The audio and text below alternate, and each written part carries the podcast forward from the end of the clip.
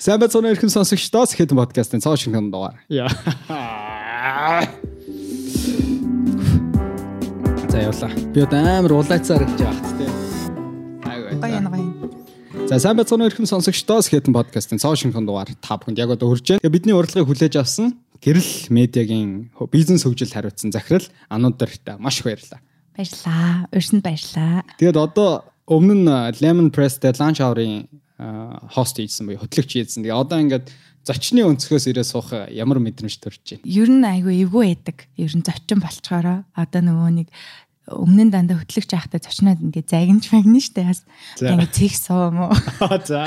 Англи үг хэрэглэхгүй шүү өдөргээ. Тэгээд өөрөө яг яриад ярих гад камера өмсөхөр амар хичээд. Ер нь яг тэгж ин одоо ч гэсэн айгу сандраад байна. Тэгээд төслийнхаа даваас нөгөө нэг телевизүүдэд ярьцлага өгөх хэрэг гардаг. Тэгэхээр бас ичээд байдаг. За за за. Тийм гар мар хөлрөл. Ямаас нь сандарч яах гэдэг чинь гоё байна. Хүмүүсийг сандрааж байгаа мэн хэдүүлээ. Яриагаа шууд хариуцлага гэдэг зүйлийн талаар эхлэе гэж бодож байна. Яа тэгэхээр хоёулаа энэ дугаарыг амралтын өдөр бичиж байгаа тий. Уг нь бол 5 дахь өдөр бичиж гэж ярьсан. Тэгээд би тэд яг цагийн талгаад хариуцлагагүй байдлаас болоо цагийг хойшлуулад өнөөдөр бичиж байгаа. Тэгэхээр сүүлийн үед одоо за зөвхөн медиа салбарыг эхэлтгүү. Одоо жишээ нь иймэрхүү тохиолдолд хүнтэй одоо хэлж ярьсан цагаасаа цагийн тулгаж байгаа цагаасаа буцах ч юм уу. Энэ тохиолдолд чи хэр хүлээж авдаг вэ? Өөрөө бас цагийн менежмент талдаа хэр зарчимч хүн бэ? Аа. Ер нь ол яа гэм аа би ч айгүй сүржигнөр ахгүй юу угаасаа. Гэтэ тэр нь одоо баг ажилд айгүй хэрэг болдог хаа миний тий. Тэгээд сүржигнөр гэдг нь угаасаа ингээд хэлсэн ярьсандаа бай гэд ингээд тий ер нь заримдаа тэр нь хүмүүст айгүй сүржигнөр санагддаг байх. Гэтэ ер нь ингээд нэг юм хүмүүст айгүй хариуцлага тавьдаг байхгүй. Тодорхойгүй битээ байгаарэ. Надад цагаа хэлээрэ, тэрийгэ хэлээрэ, хизээ бичгээ хэлээрэ, юу бэлтгээ хэлээрэ гэл тий.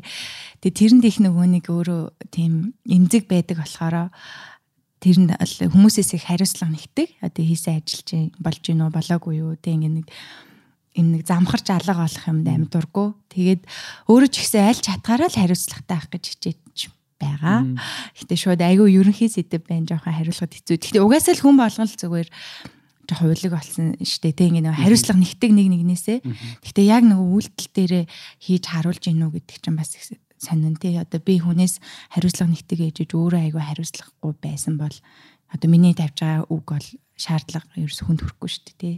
Тэгэхээр өөрөө ер нь айл болох тийм байхыг хичээдэг. Яг цагийн юм цагтаа тэгээд богино хугацаанд их юм амжуулах гэж хичээдэг учраас хүмүүсээс бас тийм хариуцлага бүтээмжийг хүсдэг. Нэгэнт бүтээмжтэй холбоотой байлаа сэдв хүндсэн учраас ер нь медиагийн залуучуудыг харахаар хагасаа бүтэн сайнгүй ажиллаж байгаа харагдаад байдаг л та. Нилээ ачаалттай ажилладаг. За одоо чинь тогтмол цагт мэдээлэл оруулдаг компаниуд бол бүр их ачаалттай. Дээрэс нь одоо үйлчлэгч гэж нэг хүн биш захиалагч те. Тэр хүмүүс нь гинтийн бас шаардлагууд тавьдаг те. Яралтай хүн хийгээд өгөх хэрэгтэй байна. Амралтын өдөр ер нь яаж энэ болгоныг зохицуулж ажиллаж байна. Амралтын өдөр 7 хоног тасралтгүй ажилладаг. Дунджаар одоо медиа компаниг толгойлж байгаа хүний хувьд хэдэн цаг ажиллаж байна 7 хоногт. За би ер нь л нөө медиа салбарт аяг удсан. Өөр салбарт аа за тийм PR маркетингийн салбарт бас байдаг тий. Гэхдээ медиа салбарт нөгөө анх боловсрал телевизээс ажлын гаргаа эхэлсэн. Би шоу нэвтрүүлгүүд хийдэг гэсэн. Би тухайн үедээ надад ер нь амралтын өдөр гэж байгаагүй. Миний санаж агаар 2 жил орчим ер нь хагас бүтэн сайн амарч үзэж байгаагүй байхгүй юу. Тэгээд угаасаа ийм л байд юм байна. Энэ одоо салбар бол угаасаа ингэж л би ажиллаж иж нэг юм сурах юм байна, нэг юмд хүрэх юм байна гэж айгүй хүлцэнгүү байдаг гэсэн. Тэгээ 2 жилийн дараа баг нэг анх удаага хагас бүтэн сайн амарлуудаа тэгээ гайхаад за хүн амралтын өдрөөр юу хийх хэрэгтэй байт юм бол гээ. Гэхдээ энэ нөгөө амар худлаа сонсогдож магадгүй. Гэхдээ үнэхээр яг тэгж ажилтдаг гэсэн аахгүй. Тэгээ баяр наадам одоо юу гэдэг бүх үед ч л медиа салбарынхаа ажиллаж идэг шүү дээ тий. Амралтын өдрүүдээр ялангуяа медиа салбарын зурж одоо ажилдаг байх жишээний тий. Тэгэхээр амралтын өдөр ажиллах нь айгүй хэмээн болцсон. Гэхдээ сүүлийн үед бодоод тахад энэ айгүй буруу юм билий. Одоо өөртөө ерөөсөө цаг гарахгүй те ингээ хувийн амьдрал ажлын нөгөө тэнцвэр ерөөсөө байха болцсон. Тэгээл нэг юм амралтын өдрөөр ажиллаж байгаагаа айгүй хэвэн гэж боддог. Тэгээ өөртөө ерөөсөө цаг гарахгүй. Ер нь бол тэгдэг. Тэгээд тэрнийхээ хэрээр нөгөө бусад хүмүүсийг жоохон шахах гад байдаг гэж магадгүй миний бодлоор одоо амралтын өдөр ажиллах чинь зүгээр штэ гэдэг юм уу те тодорхой үр дүнд хүртлээ. Амралтын өдрөөс нь чамаагүй ажиллавал уг зүгээр гэж боддог байхгүй. Тэгээ үр дүнд хүрж эхэлсэн үедээ хүн чинь нэг амарч болно штэ тий. Тэгэхгүй л одоо хүмүүс хитрхээ бас ажил амралтаа тэнцүүлдэг тэр надаас жоохон хортой санагдаад би нөгөө яг ажиллах гэхээр л хувийн амьдралаас ийсэн гэл нэг бах юм давхар давхар бодогдтол. Тэгээд амар амарцсан ч юм байхгүй ажилласан ч юм байхгүй ажиллаа бодож байх гэртээ нөгөө юм зүгээрч сууж чадхаа хэлсэн нэг жоохон тийм байгаад байгаа. Гэхдээ иргэд тэр тэнцвэрээ олж авна. Ер нь олвол жоохон их ажилдаг. А орой нэг 8 9 гэл өдөр болгоно. Тий, ер нь нэг тиймэрхүү байдаг. Тэгэхээр тэр жоохон ажлын хинээтэй юм шиг жоохон зарим хүмүүс санагч магадгүй. Гэхдээ ер нь тийм байдаг. Медиа салбар ер нь тийм шүү дээ. Тэ айгүй юм цаг хугацаатай уралдаж байдаг болохоор. Тэгээ давхар байг олон мэддэг болохоор. Ер нь дандаа л 9 10 гэж л гэртээ ордог. Тэр олон юм хийж байгаа зүйлийн зүйлүүд ихэн талаар бас лавшруулж асууна. Тэгээд ажиллаа бол ер нь бол хоббиго болгоцсон юм биш үү те. Зүгээр өнгөцгөн дүгнэхэд. Ер нь аль ихсэн. Өөр хобби байхгүй. Би ер нь бол хүмүүс асуугаад байдیں۔ Надад ер нь тийм хобби мобич байхгүй. Тэгэл ажиллаа л хийж идэв. Тийм. Одоо гэрэл медиа чи хэдэн хүнтэй гэлээ? Одоо манайх нэг 30 гаруй хүнтэй. 33 мөрөө юм лөө. Нийт одоо ажиллах хүчнийхэн дундч нас нь ойролцоогоор эдтэй юм. Дунджаар манайх ч одоо нэг 25-аас 30 цаагаа юм лөө. Бас бүр тийм залуу хүмүүс биш бүр одоо бас 35-аас дээш биш яг л дундч настай. Ер нь бол медиа салбартаас харьцангуй залуучууд ажилтдаг салбар гэж хараад байдаг шүү дээ.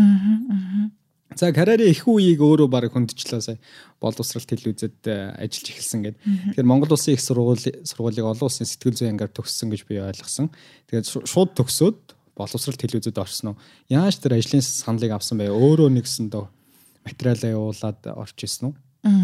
Би нөгөө нэг сэтгүүл зүйн анги чинь нөгөө жил болгон дадлага хийдэг байхгүй юу? Бүр нэгдүгээр курсээсээ дадлага хийдэг. Тэгээд сонин сэтгүүл одоо сайт үүдийн ажиллаа явдаг. Тэгээ дөрөвдүгээр курстэй яг би боловсрал телевизэд Mongolia Next Top Model гэж шоу хийх гэж байна. Дадлага оюутнууд хэрэгтэй байна гэд тэгээд очиж исэн.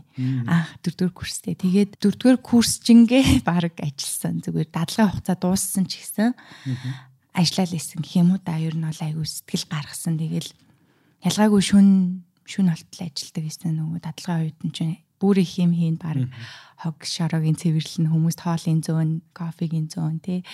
Тэгээ тэгж явсаар байгаа техник хүртэл зөөн хатуу санагддаг лсэн л та тухайн үед надад юу хизээ юм заах юм болоо.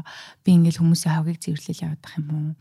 Хүмүүс юу нэрээч дуудахгүй штэ ер нь хойч дадлгаа гэл те хэл бүх юмдаа зарж мардаг. Тэгээд тэрэнд эхэндээ нэг имзэглэж байгаа за за би ер нь ингээд хажуугаас нь харж байгаа юм чи өөрөө яагаад сурч болохгүй гэж гэж бодоод тэгээд айгу уртудаан дадлага болсон.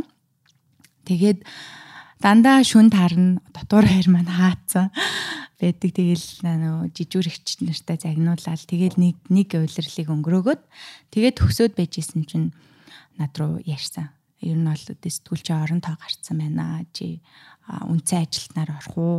Гэд тэгээ тэр нөгөө дадлага одоо сайн хийсэн юм л шагналах л да. Тэр нэг ёсонд дуудаж штэ тэ намайг. Тэгээд орж исэн. Анх тэгэл шууд шоунууд дээр ажиллаад э, ер нь гараагаа их угаасаа тийм их ажиллаас эхэлсэн.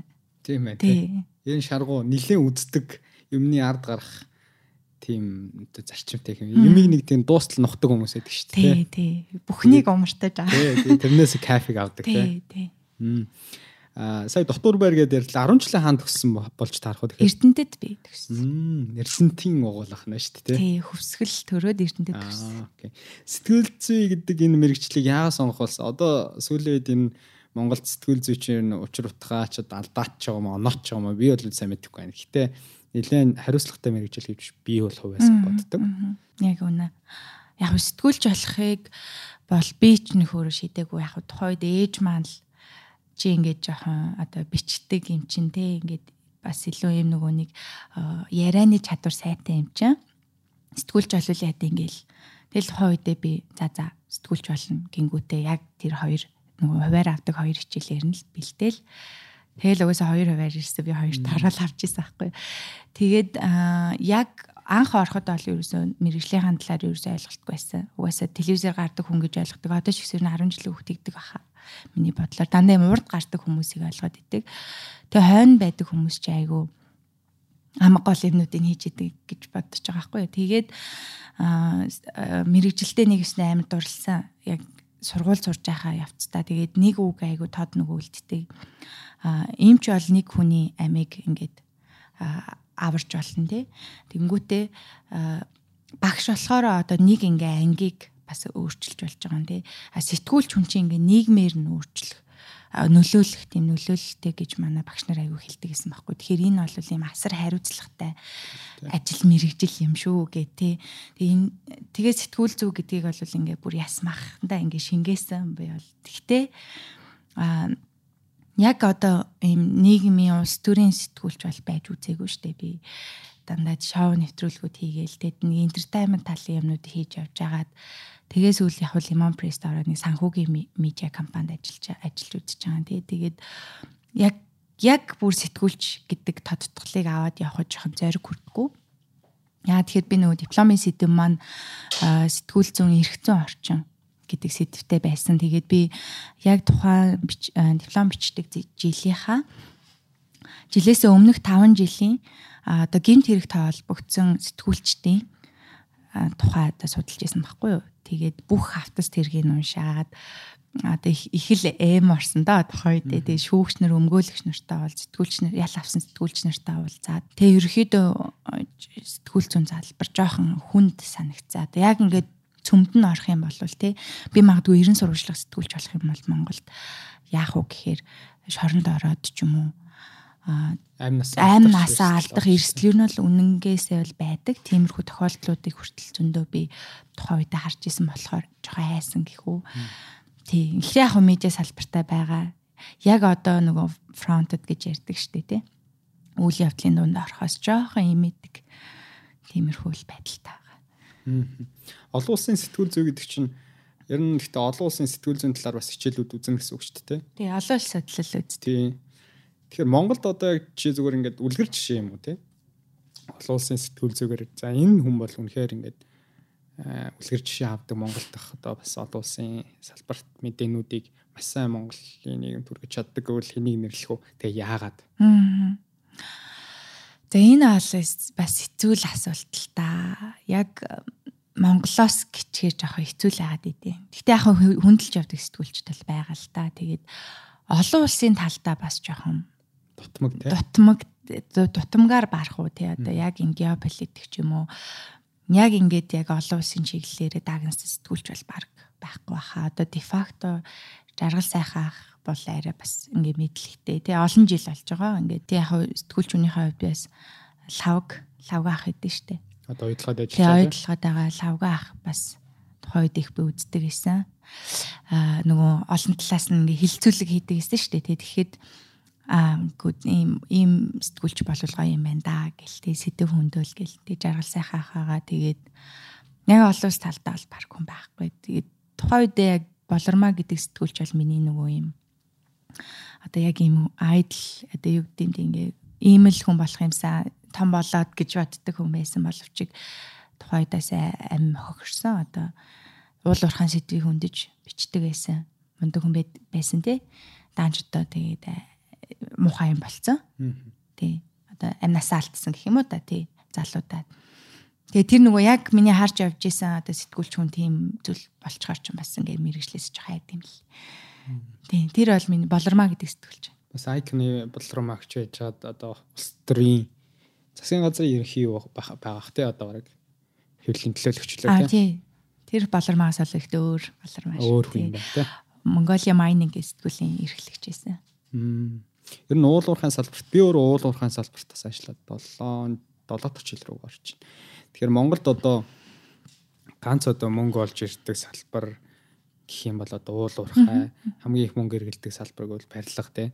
Тэр яг энэ чиглэлийн сэтгүүлч нар одоо нийгмийн одоо арт түмэнд соён гээгэрүүлэх яг тэнцвэртэй мэдээлэл гэж яриад байдаг шүү дээ. Тэрийг хүргэдэг хүмүүс жоон дутмаг санагдаад байна энэ нөгөө санал нэг байна. Ягаад тэгэхээр энэ салбарч экспортын манай гол одоо түүхий эдүүдтэй зайлшгүй холбоотой төсөвт одоо мөнгө оруулж байгаа бүх зүйл маань үүгээр дамжиж байгаа учраас бас цааш та олон яг энэ чиглэл энэ салбараар олон сэтгүүлч нар бэлтгэдэж гараасаа гэж би бол хувьдаа бас хүсдэг хүмүүсийн нэг байгаамаа.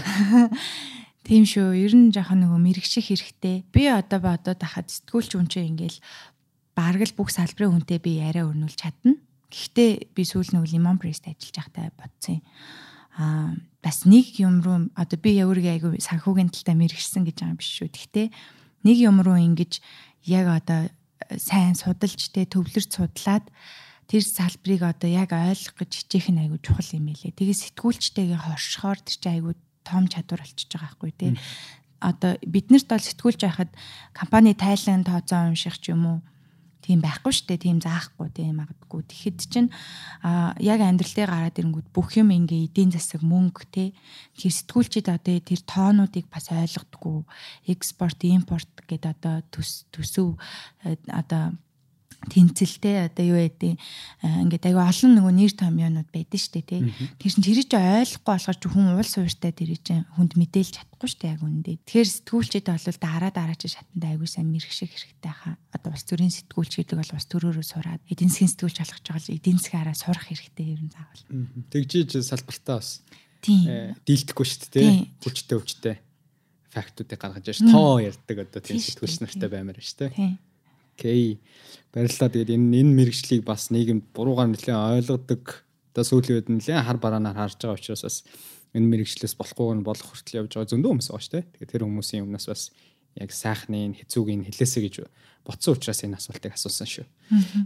За тэгээд карьерийн их үед боловсрол телевизээс санал аваа. За яг түн шиг оддын актай. За маш олон одоо гадны том том одоо франчайз гэж ярьдаг ш төслүүд дээр ажилласан гэж ойлгосон. За хамгийн дурсамжтай гоё төстэй яриач. За би тэр төсөл дээр ажилласан 6 сар 3 сар миний амьдралын бас хамгийн гоё мөчүүдийн нэг байсан гоо дайл төслийнхөө талаар ярих уу? Аа бүхэл нэвтрүүлэг маань гоё юм. Мэдээ шүү дээ. Нэг ноцлог юм хүүхэд чиг маань байгаа шүү дээ. Тэр чинь ингээд хэдэн сар хийж байгаа нэвтрүүлгүүд байгаа болохоор тэгээд нэг нь гэвэл сүүл би нэг үсэглийн аварга нэвтрүүлгийн 2 дугаар улирал дээр ажилласан. Аа тэгээд үсэглийн аварга болохоор айгүй нөгөө нэг хүүхдүүд байдаг шоу штэ тэр чи хүүхдүүд шалгараад орж иж байгаа. Дээрээс нь нэмэх нь би тэр шоуны редактор хүний хувьд одоо алдах ирэхгүй байсан. Одоо жишээ нь би алдаж нэг үг бичиж болохгүй байхгүй. Одоо телевизээр гарч байгаа тэр нэвтрүүлэг дээр ягаад гэвэл тэр чинь нөгөө монгол хэлний үсэглэлийн шоу нэвтрүүлэг байгаад байдаг. Тэгээд боловсрал телевизийн нэг титр одоо доор нь гарч байгаа нэг титр алдаатай байх. Одоо сошиалд хийсэн постерныхын тайлбар дээр нэг үг алдахад бид нар шүүмжилт унахаар тий Тийм учраас тэр үед л нөгөө нэг монгол хэл их хэлтэйгээ өстө нэр анх удаа танилцсан гэдэг шиг юм болсон. Яг нөгөө монгол хэлний тайлбар тойлоо тэрэл. Тэгээ 38 мянган хүүхдэд тайлбар тойлоо тэрэл. Хэлний зөвлөлийн хүмүүстэй ингээл байнгын юм асуугаал. Ямар сони ямар сони ингэж бичдэг юм уу ингэж бичдэг юм уу гэл. Тэгэл хүүхдүүд ч байсан болохоор тэрүү дээрээс нь тэр нэг монгол хэл гэдэг ямыг би нэг шал өөр өнцгөөс нь харсан болохоор тэр одоо би баг англи үг хэрэгжилж ярих байгааз. Тэр нөгөө монгол хэлэндээ айгүй өөрөө ингээд дурлалсан дуртай болохоор тэр шоу айгүй гоё ясаа. Үр дүнд нь ч ихсэн манай монголчууд нэг хэдэн үгээ ч ихсэн зөв бичдэг болоо л тий. Аа тиймээс болохоор тэр шоу айгүй гоё байсан. Тэгэхдээ тэрний юугаар нэг сөрөг юм нь би одоо ингээд алдаатай бичсэн юм уншиж чаддггүй. Яг алдсан тэр хэсэг дээр очиод цааш нь уншиж чаддггүй. Одоо өгүүлбэрийн одоо 3 дахь үг алдаатай байвал тэндээс би зогсоод гарчин шууд. Ер нь нэг жоохон тийм болцсон. Тэр нэг жоо хэцүү байдаг надад одоо. Юм уншихаар алдаатай үг мэдчих гарч ирж штэ. Тэрнээс цааш уншиж чадахгүй. За хүмүүн амтантай чадал гараа. Монголоор Монголоор бичиж болохгүй надтай. Монголоор бичиж шууд reject л үлээдэг штэ. Тэгээд ерөөсөө уншихгүй. Син шууд. За энэ алдлаа. Сүүлд нэг тийм наргаа явуулсан штэ тий. За за тэрнээр бол нэлээд чанга юм байна. Тий, тий. Их хилээ их биш шүтдэг. Тийм байна. Ерөөсөө орж ирээд туйлаа бараг 15 минут орчим болоход англи үг ерөөсөө холж яриаггүй байна. Тэгэхээр би сүүлд за яг англи хэлтэй холбоотой яг энэ ур чадварыг яаж өөртөө бий болгох зүгээр англи үг ашиглахгүй гэж ярихаар хатархи ерөнхий болчих гээд байна. Ер нь одоо цэгцтэй ярих өөрийн үзэл бодлыг маш богино хугацаанд илэрхийлнэ гэдэг чинь өнөө цаг үед хамгийн чухал ур чадварууд нэг болгоод шүү дээ. Тэгээ сүүлд бид э, нөгөө Rio Tinto Group-ийн гүйцэтгэх захирал э, гүйцэтгэх удирдлагын багт ажилладаг бол захирал нэг ингэж хэлж ирсэн. Та ерөөсөө Монгол үг хэлдэг шүү дээ. Бас л тэр чинь олон жил гадаадд амьдарсан хүн гэхэд э, Монголд ирээл ярилцлага өгөхөд ерөөсөө гадаад үг хэлэхгүй монголоор бүр маш энгийн тайлбарладаг тэр. Тэгээ яаж энэ ур чадварыг сурсан бэ гэдгсэн чинь баа бахта эмээн хараа нүд муутай. Эмээдээ сонин уншиж өгдөг байсан. Хүү байсан гинэ. Тэгээд ерөө сонингийн тэр үг хэтлгүүд бол надад маш сайн бууж өгсөн учраас өнөөдөр ингээд үгийг өгсөн сан баялаг өндөртэй шүү дээ Монгол хэлний өгсөн сан. Тэрнтэй адилхан өөрөө чи үд яаж үнийг дадал болгосон бэ? Аха. Гой гой асуулт байна. Би ингэсэн. Би чи ерөнхийдөө бас эвлүүлэг хийдэг штэ. Эдитер те эвлүүлэг. Эвлүүлэгч хийдэг юм да бас давхарт нөгөө нэг э, тэгж эвлүүлэхийг шаардлагууд гардаг. Тэгээ дээрэс нь ер нь одоо ажиллаж исэн бүх нэвтрүүлгүүд чинь мэдээж одоо телевизээр гарч байгаа нэг 40 минут чинь хойно 3 хоногийн зураг авалт одоо 30 хоногийн зураг авалт гэж магадгүй шүү дээ тий. Тэрнээс чинь ашигтай 40 минутыг ялгаж авах хэрэг гарна тийм үү. Тийм учраас одоо тэр ялгалтыг хийдэг хүний хувьд чинь одоо ийм сул үг бол миний одоо хамгийн үзээ. Гэхдээ би бол одоо сул үг хэрэглэж ярьдаг л та мэдээж ингээ яг ингээд эдит хийсэн юм шиг эвлүүлэг хийсэн юм шиг ярихгүй шүү дээ тий. Тэгэхээр тэр нөгөө нэг таналт хийх явцдаа яриаг танах явцдаа би нөгөө илүү сул үгнүүдэд одоо маш дурггүй. Хэрвээ хүн болгон гоё ингээл тоочны тав тодорхой ярьдаг гэсэн бол би ингээл хідэн шөнийг нойргүй сууж тэр яриаг танахгүй байсан болохоор ерөөхдөө тэгээд үгээ айгу цэгнэн бас те тэгэл сул үг мөг хэрэглэхгүй гэж бодно. Дотроо өөрөө би бас нэгэн эвлүүлэгчд гайхалах юм шиг байгаа гэж айгүйх тэгж айдаг байхгүй. Тийм болохоор тэгж айгу цэгэндэг гэх юм уу та.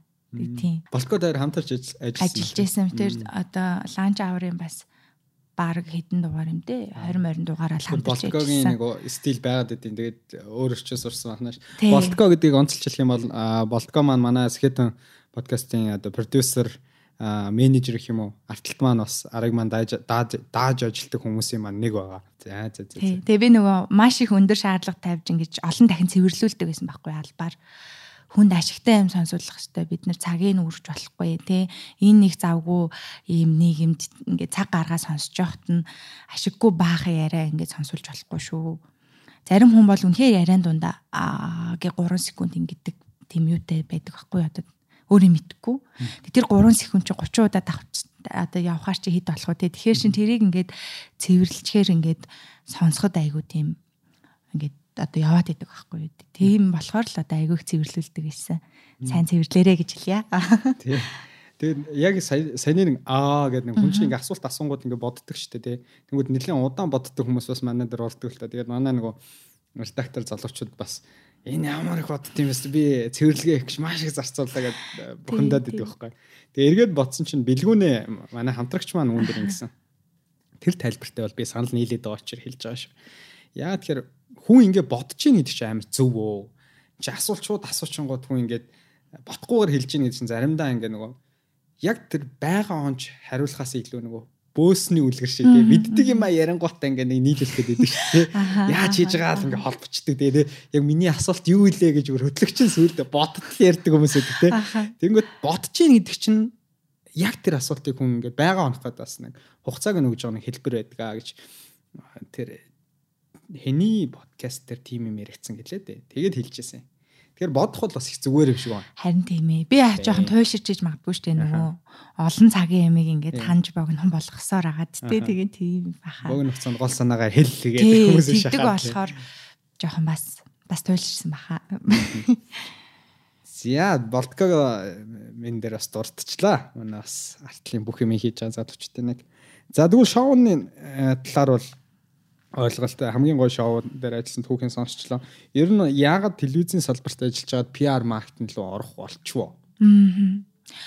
Тухайн үедээ ер нь бол би телевизийн салбарт нэг 3 жил болсон шүү дээ. 3 жил болсон байхгүй юу. Тэгээд ер нь нэлийн жоохон хангалттай мэдрэмж аваад эхэлсэн л дээ. Ер яваанда би нөгөө маш их хичээсэн.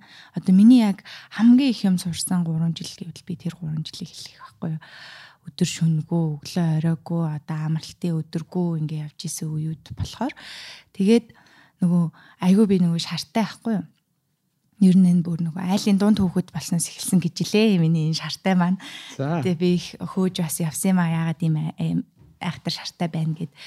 Тэгээд шартай байж байгаа тухайн үедээ би ингээд надтай ижилхэн одоо ийм албан тушаал дээр баг дахиад 11 хүн байсан байхгүй юу тухайн үед.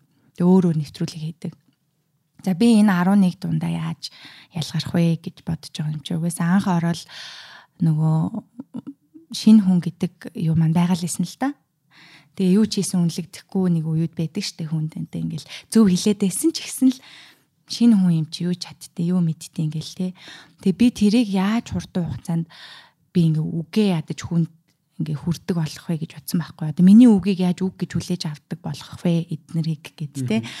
Тэгээ айгу эсэргүү тэгэл бүх юм дээр эн чинь юм штэ гэл нэг юм тогтсон системийг эвдэх хүсэл надад айгу их байсан угаасаа л ийм байдаг гэдээ хайвалж гэнэ хүмүүс дээшлэхгүй дээ тий. Тэрийг эвдээ гэж бодоод би ч одоо муухай ааштай байна уу юу байна уу гэдэг хамаагүй болол ер нь бол жоох эсэргүү байсан л та. Тэгээ 11 редактораасаа яаж одоо би нэг арай өөр төвшөнд байж ажиллах вэ?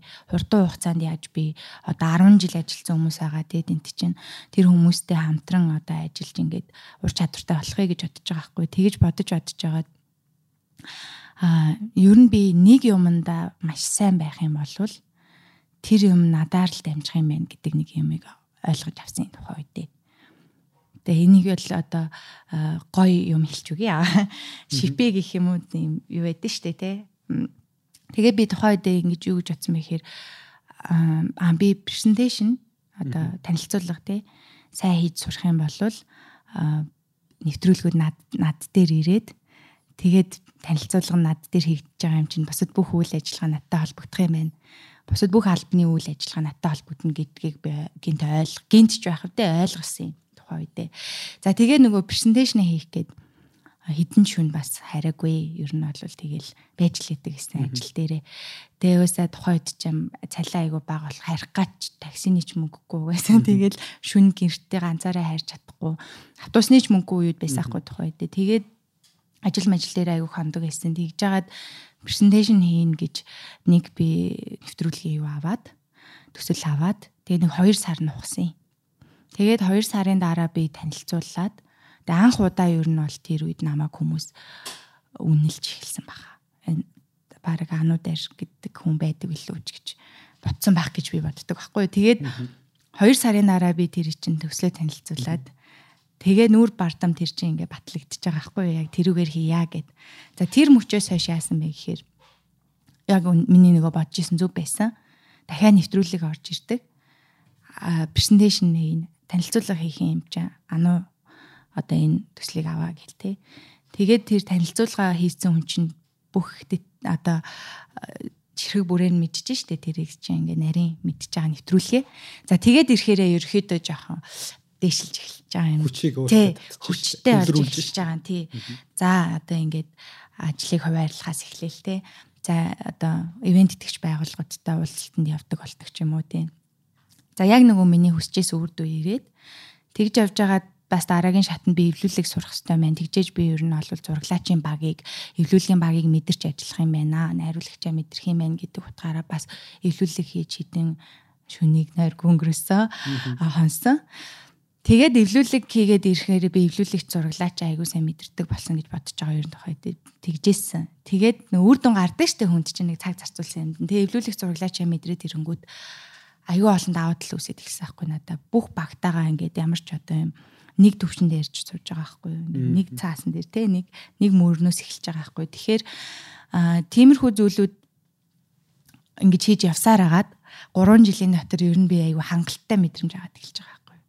За ер нь төслүүд бол том шоунууд над дээр ирчих юм байна. Тэ тэгээд би ингээ хийчих юм байна гэж бодоод тэгээ цаашаагаа ер нь бол тухайн үедээ би өөрөө ингээ өөрийгөө маш их хөгжүүлэх гэж хичээсэн учраас одоо цалин мөнгөний хувьд тэр манай салбарч нь жоохон одоо муу цалинтай дордог шүү дээ тий.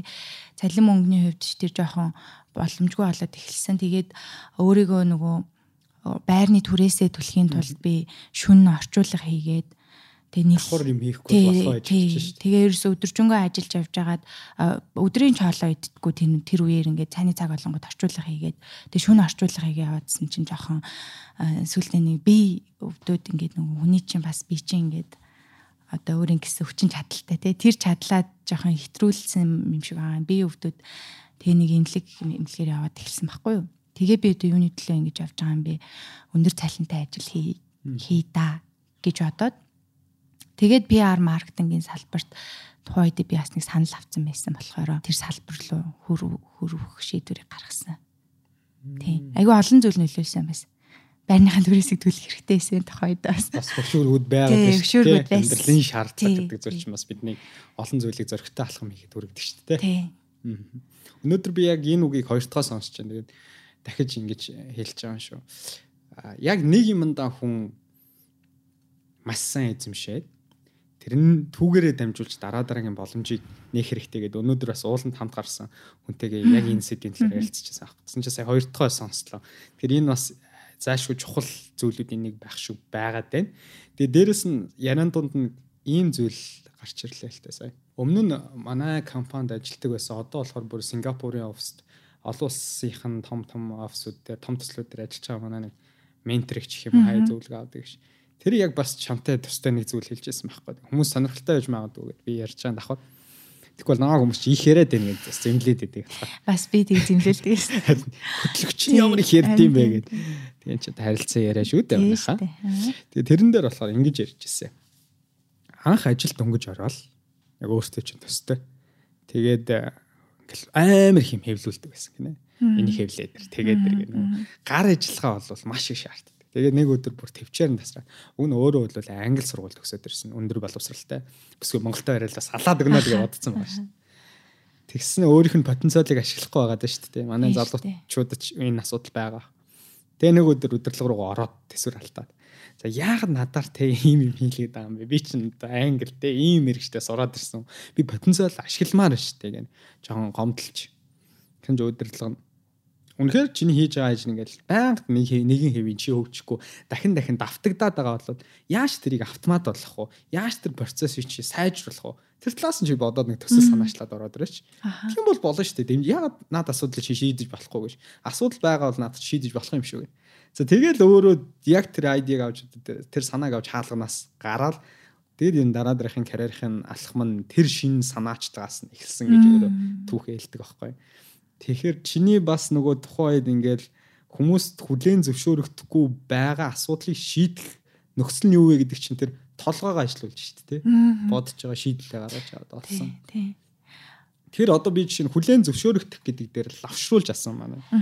Бид надад таймна гэдэг энэ хүнд чсэндээ тэр асуудал байсан. Тэгээ бүхэл залуучууд дөнгөж сургуулаад өссөн хөрх юм бид нар чинь туршлагагүй амтд тэгэл ажлын байран дээр чи дандаа 5 10 жилийн туршлага гээл зар сурчлагаан дээр бичсэн байдаг. Тэгэл орчиж байгаа. Тэгээд ороод ихний нэг хоёр сар нэрэл хүлийн зөвшөөрөгдөхгүй юм аа мэдхгүй.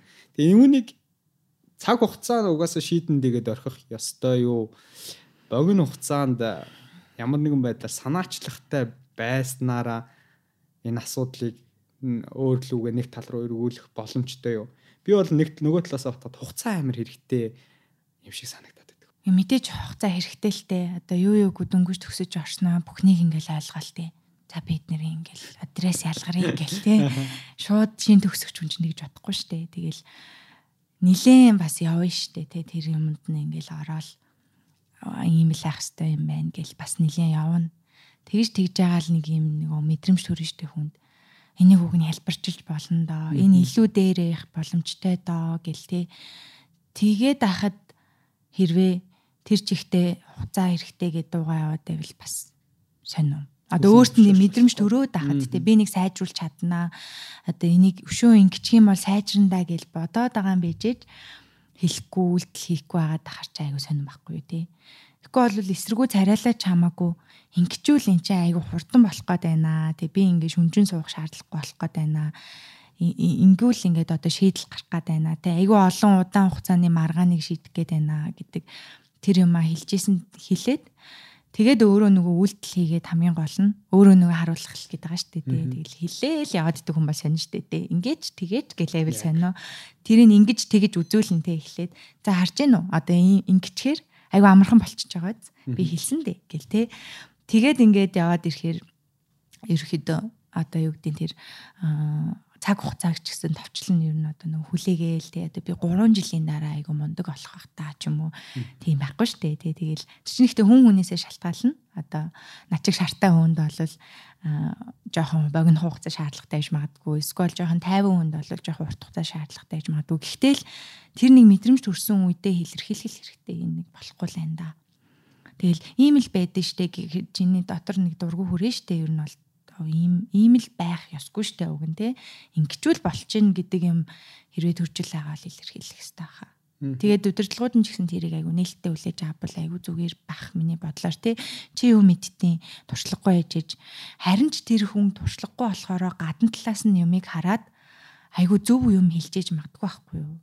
Нөгөө дотроо байгаа хүмүүс ч мэдгээ хэлчихдээ штэ ингээд ойлгохгүй тий тэнгууд тэр гадна гурав дахь хүний нүдээр одоо харна гэдэг чинь бас айгу чухал байхгүй юу одоо манай PR-ын салбарт чинь тийм гурав дахь хүний нүд гэдэг юм чи аягүй чухал те. Тэгчингүүд тийм юмар харж байгаа чинь билүү Тэгэхээр тэр хүүхдийн санаа дөнгөж төгссөн хүүхдийн санаа бодлыг сонсоод хэрвээ үнэхээр ингээд оо нэрэ тийшт гэж бодсон хэрнээ гадна талта чи юу мэдтий ингээд байвал тэр аим муухай хортой газар байгаа байхгүй тий а нэрэ тийм юм байх шүү гэд. А тэгээ нөгөө хүн хэрвээ буруу хэлжээвэл засаж залруулж хэлээ а чиний бодож байгаа ч магадгүй зөв гэхдээ ийм юм юм болдгий шүү гэдэг ч юм уу тий нэг жоохон нээлттэй хэлээ аль аль талаас л нэгтэй сүүлийн энэ компаниуд бас харцсангуу шин төгсөгч нарыг илүү авч байгаа. Яг л өөрөө чи хэлснээр нэгэнт ингээд тогтцсон байгаа соёлыг эвдэхийн тулд гаднаас шин соргогнууд хэрэгтэй байгаад ш. Тийм учраас залуучуудыг авах бас нэлээд дуртай болсон юм шиг байна лээ. Тэгээ манай залуучууд гэсэндээ тэр компани зорилго нь яагаад залуу хүмүүсийг аваад байгаа гэдэгт нь бас нийцэх хэрэгтэй шүү дээ. Орж ирээ соёлын дагаад яваад байгаа ш. Болохгүй зүйлийн зоригтойгоор хэлж чаддаг. Тэр чинь л тэр тухайн компани хүний нөөцийг өссөн зүйл учраас тэрнтэй бол санал нэг байна шартаа гэдэг үгийг би ингэж тодорхойлдог л доо бас одоо өөрөө хоёр ч удаа шартаа гэдээ хэллээ. Аливаа зүйлд бууж өгдөг. Нөгөө талаас бас амбицтай холбож ойлгож болох бах тийм. Тэгээ эхний 3 жил телевизэн салбарт ажиллахад ингээд хүлээн зөвшөөрөхгүй байгаад байна шүү дээ. Тэгэхээр чиний тэр асар их амбиц чинь идээгүй юу? Идэгт амбиц чинь ингээд идэгдээд замын дундаас боли боли би ер нь яах гэж ингэж авах хэвээр өөрийгөө батлах гэдэг өөртөө нөгөөх нь бас сэтгэл зүйн хувьд ч дарамттай зүйлүүд байсан л ах тий бууж өгмөө санагдах сэтгэл зүйн хувьд ингээд бай одоо депресс нөр сэтгэл готролд орох асуудлууд ч гэдэг ч юм уу. Тэрийг яаж ингээд нураад унчихгүйгээр босч исэн? Яг би дунд нь нэг гарсан юм аа. Одоо нэг хэдэн сар жилээ дээ гарсан. Тэгээд тэр бол бас тэгтэл нэг айгу амьдралын шаардлага гараад би нэг бас нэг туристтэй холбоо. Тийм залуу хүнд бас үүсдэг асуудал байхаа. Тийм бүгдэнд нь л. Тий, байрныхан туристийг эдэрт хэлэхгүй нэг юм болоод тэгээ нэг дунд нь хэдэн сар өөр ажлууд хийгээд одоо халтуур гэж ярьдэн дээ. Ямар ч ийсэн айгүй их богино хугацаанд олон юм хийж нэг жоохон мөнгө хураах шаардлага гарч ирсэн. Тэгээд тэр асуудлууд нэг жоохон зэгцлээд Тэгээ буцаа телевиз рүү орсон байхгүй. Тэг яага буцаа орсон бэ гэхээр уг нь бол би шантарсан байгаа гэсэн шүү дээ тий. За боли одоо цаг нааргүй ажиллаад хэдхэн төгрөг авдаг. За өстө боли гэж явж хагаад тэгээ би миний нөгөө нэг юу боддоггүй юу. Ер нь би ингээд ануу дээр гэж яг хийн юу хийж чадах юм гэдгийг хинт ч одоо харуулж чадсангүй. Тэгээл нэг мартагдаал өнгөрөх нэг хүн болцсон те ингээл үү байсан ш баг байсан ч гэж дурсахгүй те аа тэгэл гарцсан штэ гэл те тэгэж ер нь би гарцсан юм байна гэж бодсаахгүй тухай дээ. Тэгээ би буцаж ороод тэгээл нөгөө нэг те одоо нөгөө ер нь нөгөө миний нэг одоо философи гэх юм уу да баримталдаг нэг чанар зарчим байгаа. Тэр нь би энэ одоо аяг угаагч хийдэг байлаа гэж үтэл та нэг хоолны газар. Гэхдээ би энийг ануу дээр л хамгийн сайн угаадаг гэдэг хүртэл угаа угаана гэж би боддог байхгүй юу. Энэ аягийг хамгийн лаг одоо өнгө оруулаг мундаг угаадаг нь ануу дээр. Гэтэ зөвхөн би аяг угааж штэ. Гэхдээ энийг би хамгийн мундаг хийдэг байснараа ялгарснараа дараачийн боломж мань гарч ирж штэ тий. Гэдэг шиг ер нь олвол тэр нөгөө а за за одоо дараа нь одоо дурсагдах гэж хэлэх нь одоо муухай юм да. Зүгээр ядаж нөгөө үр дүнтэй бай гэж утсан байхгүй одоо тэр шоуон дээр одоо би ороод өөрийн гисэн нөгөө хичээл зүтгэлээ гаргаснараа нэг дараагчийн төвшөндөө гардаг ч юм уу те тэр шоу гоё болоод гоё болоод тэр нь ингээ үзэгчдэд түрээд гоё байгаа надад гоё байгаа байхгүй юу Тэ хамаг чадах өөртөө байгаа миний хамгийн одоо өндөр түвшиндөө би хичээж хийж байгаа маань мэдээж ямар нэг юмыг сайжруулж байгаа тий. Тэгэхээр тэр сайжруулсан зүйл бусдад бас хэрэгтэй. Одоо би өөрөө өөртөө өндөр шаардлага тавиад ирэхээр би багийнхандаа өндөр шаардлага тавьж эхэлнэ тий. Алдаа гаргаж болохгүй шүү одоо энэ чаун дээр ийм зарчмаар ажиллая шүү хэдүүлээ те. Өмнөх шиг ийм алдаа байхгүй шүү. Цагтаа эхлэе шүү гэл те. Тэгэхээр иймэрхүү нөгөө нэг миний жижигхэн өөртөө хичээж байгаа нөлөөлөл бусдад бас нөлөөлөөд тэгээ тэр нь гоё үр дүнтэй хаа надад айгүй кайфтай байсан байхгүй юу. Тэгээд тэгээд ерөөхдөө нэг тийм Одоо яг хөө тэр шаартай гэдэг нь тэгэл одоо хүний тэгтээ төрөлхийн жоохон юу байгаа. Төрөлхөөсөө болон тэр хэддэх хүүхэд болж төрсөн гих мэт олон зүйл хэлж байгаа тий. Гэхдээ би хөө хит их юм улаарснаасаа болоод байгууллагын хүмүүст айгүй нөгөө юг болж исэн үе байгаа. Ануу дээр айгүй юм юутай. Одоо юу гэдэг нөгөө балансыг барьдггүй, тэнцвэргүй, одоо хит хатуу тий ингээх л ёстой, ийм л яах ёстой. Багийнхантайгаа уусаж ажиллахгүй байна гэл. Нэг тиймэрхүү юм бол болж исэн. Тэгээ би тухайд яах вэ нөгөө айгүй хатуу шаардлага тавиал тэ хүнд Үгүй миний шүнжийн сууж хийсэн юм хин нэгэн дээр очиод угаасаа алдаа гаргаад хаар чин чинь стресстэй штэ хүн чинь бухимдаад идэг те. Тэгэхээр би тэрийг айгүй шууд илэрхийлждэг гэсэн байхгүй юу? Хаана нэ те цагтаал хэлдэ гэл. Одоо таны надаас ах ирч байх чи хамаагүй. Ажил явж явах хэвээр гэл те. Айгүй тийм хатуу байсан нэг хэсэг. Тэгж жагаад би нэг подкаст сонсож явж байгаа нөгөө эгоны талаар олж мэдээд Тэгээд аа ер нь бол би ч юм бол эгонд дэлтцсэн амар аимшигын хүн явж байгаа юм шүү дээ гэж олж ойлгож аваад тэгээд би бүр тухайд заяа ингээд нөгөө утасныхаа дэлгэцэн дээр ego is the enemy гэж заяа. Тэрийг тавиад ширээн дээр наагаа заяа ингээд бухимдгаал ингээд хүнд жоохон хатуурах гал ирэх болгондоо тэрийг хараад жоохон ойлголцгоол тий. За ийм юм учраас энэ ингээд ижил хурдан явах хэрэгтэй шүү. Хоёлаа ингээ хийчи те. Би ингэж туслах уу те гэдэг болж ирж байгаа байхгүй юу. Тэгээд тэгээд нэг жоохон өөрийнхөө нөгөө байнгын бухимдаад байдаг зүйлүүдтэй бол жоохон дарж авсан. Тэгээ мэдээж бол бүр сэтгэл готролд ороод сэтгэл зүйчд очих хэмжээний үйл явдлууд болсон. Гэтэ тэр бол дараачийн нөгөө өөр ажилд орсноос үүдсэн юмнууд бол болж байна. Одоо нэг ийм юм яригдлаасаа яриан дунд нь Ану гэдэг хүн одоо энэ аягийг л хамгийн сайн угаадаг те Тэгэхээр нэг багт нэг ийм асуудал яагаад байдаг. За хувь хүний карьер талаас харах юм бол хоёлаа яг энэ одоо подкастыг Монголд хамгийн сайн хин хийдэг байл гэхэд за скетинг гэж хэлж байгаа шиг те болох бол тэр хүний тоглолтын асуудал амбиц. Баг дотор за хануу одоо чинь тэрийг хамгийн сайн хийдэг гэдэг нь хоёр нэг хүчин зүйл гарч ирээд байдаг. Нэг нь хувийн тоглолт буюу амбиц.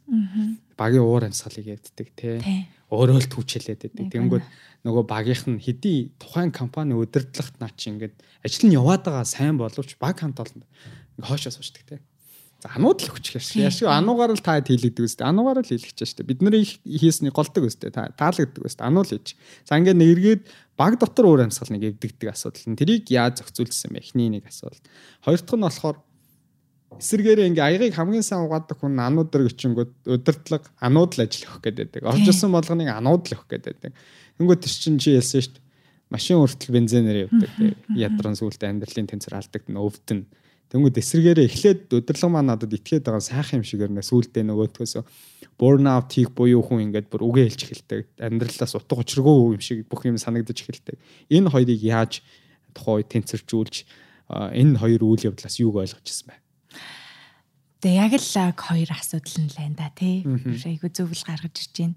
Одоо яг тэр багтаага ойлголцохгүй болсон гарч ирж байгаа хгүй. Тэ нөө эгоист энеми гэл тэ аман дотор би эгондоо дийлдэж энэ хүмүүсийг боснолохгүй шүү тэ энэ хүмүүстэй муухай харьцахгүй шүү багийнхаа уур амьсгалыг идэхгүй шүү гэл хичээж ийсэн.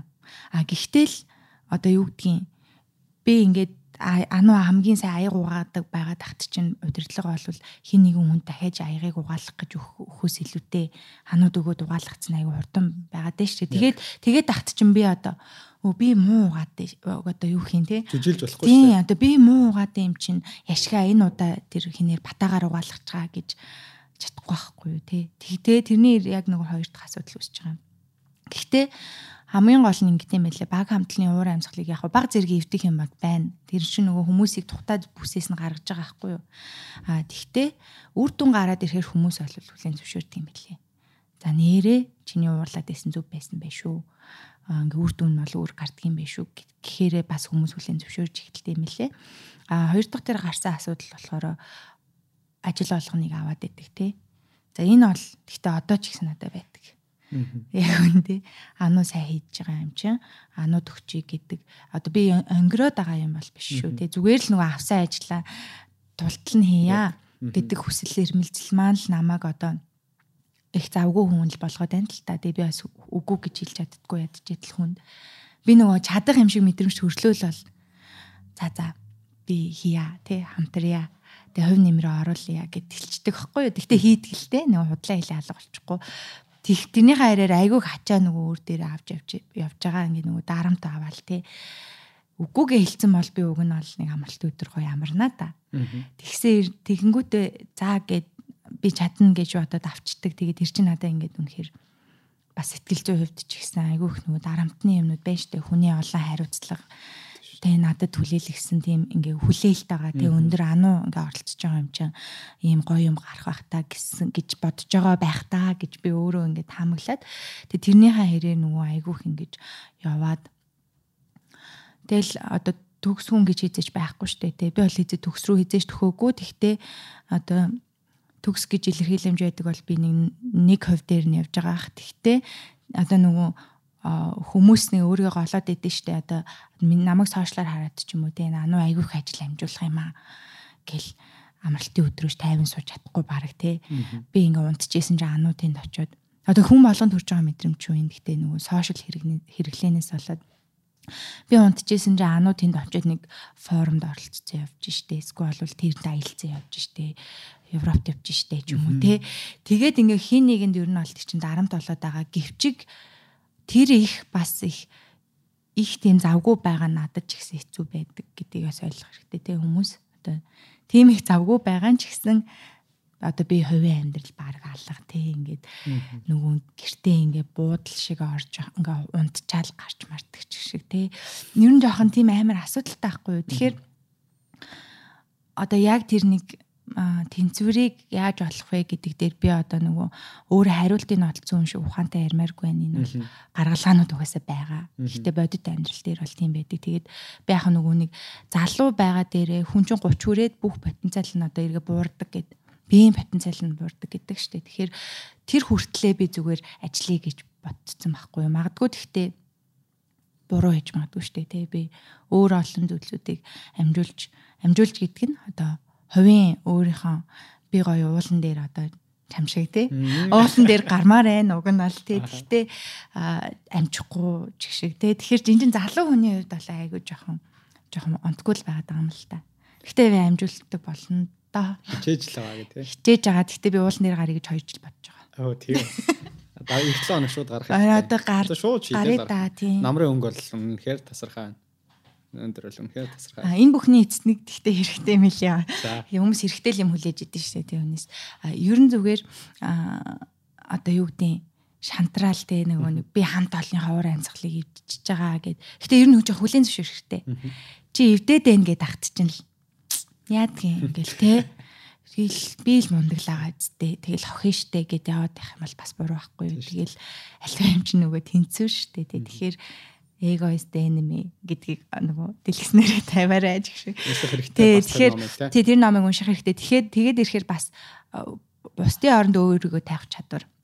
Манай сэтгэл зүйч надад тэгжилсэн байхгүй юу? Чамд эмпати буюу бусдын оронд өөрийгөө тавих чадвар алгаа гэж хэлсэн чинь би бүр тухайн үедээ өөрийгөө бараг л амар тийм гэж бодохгүй юу? Боддог байсан байхгүй би бусдын оронд өөрийгөө тавьж чаддаг. Тийм чадвар алгаа гэж хэлэх мөчтөл ухаард юм лээ нэрээ би тэр хүнийг те жаагсаа өдрөөр ажиллаад надтай хамт гэдсэн. Тэр хүн хүүхдтэй цаг гаргах хэрэгтэй байсан бол яг өвдөж авсан байсан бол яг гэл бас л хуцаалтаа тэр ойлгодог болоход. Амьдралаас нэг юм авахд өөр нэг юм өгнө гэдэг шиг. Тэгээд яг л тэр үеийнх нь нэг нэг зүйлийг хангалттай авч гин эсрэгээрээ хувийн амьдралын нэг зүйлийг өгж байгаа бах. Тэгэхээр нэг асуудал гох уу. Тэгээд дээрэс нь би энэ жил бас он гарснаас хойш 20 гаруй одоо компаниудын гүйцэтгэх удирдлага болон менежмент төвчний хүмүүстэй уулзж байна. Ажлын шугамар болон хөтөлбөрийн шугамар ингээд подкаст хийгээд за баг нэг 60-аас 70% нь 25-аас 30 наснд 20-аас 30 наснд солиотой ажилласан хүмүүс байлаа шүү. Бүгд өөрхөн түгээд ээж ажиллаж илээ. Амар завгүй ажилтдаг байсан. Агсан хүмүүс ингэж байгаагүй штэ. Тэгээ зарим нь юунд харамсаж хэлж байна вэ гэхээр хамгийн баг хүүхдээ яаж гоё ингэн хамгийн гоё үе дээр нь яаж өснгийг би өстэй мдээгүй өнгөрөөцсөн гэж хэлж байлаа ихэнх нь. Одоо л би том хүүхдээр өстэй тэр алдаагаа давтахгүй хүүхдтэйгээ их цагийг өнгөрөөж байгаа. Хамсах юмгүй л тэр байна. А гэхдээ залуу байгаа дээр тултал ажилласан учраас өнөөдрийн энэ компанийг удирдаад олон хүнийг цалинжуулаад ингээд явж байна гэж хэлсэн шүү. Тэгэхээр хүн болгоны явах хөстэй зам уур. Гэхдээ бол дийлэнх нь яваад үздсэн энэ зүйлээс бас өгөөж өвөртэй явж байгаа учраас ядад бол нэг том асуудал биш аа. Явганда зэгцэрчиг асуудал юм шиг сан. Баярлалаа. Сонсогдож байна. Тайвшруулж өгсөн баярлалаа. За түрүүн ярианд нэг зүйл надад маш гой хандлага санагдсан. Одоо ингээд зэрэгцэд сууж байгаа хүнийг магтаад байна гэхээр хүмүүс жоо гайхаад байт. Гэтэ бид нар магтах хэрэгтэй. Бид нар ч урмаар тутаж явдаг хүмүүс учраас эвлүүлэгч нартайгаа зураглаач нарын ажлыг ойлгохын тулд би өөрөө эвлүүлэгч хийж эхэлсэн гэдэг тэр үг надад ингээд маш гоё тусч байгаа байхгүй. Тэгээ тэр нэг үг хэллээ чи сая. Нэг мөрнөө санттай ингээд хэлж байна. Маш гоё үг санагдлаа. Тэгээ манай хэлтгэлтэй одоо чинь цэрэгч байна уу, дарагч байна уу? Ялгалгүй чи тэр хүмүүстэй хасцаж сурсан үе чи өөрийгөө том хүн болсон байна гэж ойлгоорой гэж. Тэгэхээр яаж одоо энэ хүмүүстэй хэн бугаан ч одоо таад бол сэтгүүлч хүмүүс зурганд гар нээштэйш явна, жолооч ах нартай явна, орж ирээд том байгууллагын гүйцэтгэх захиралдаас яриа авах хэрэг гарна.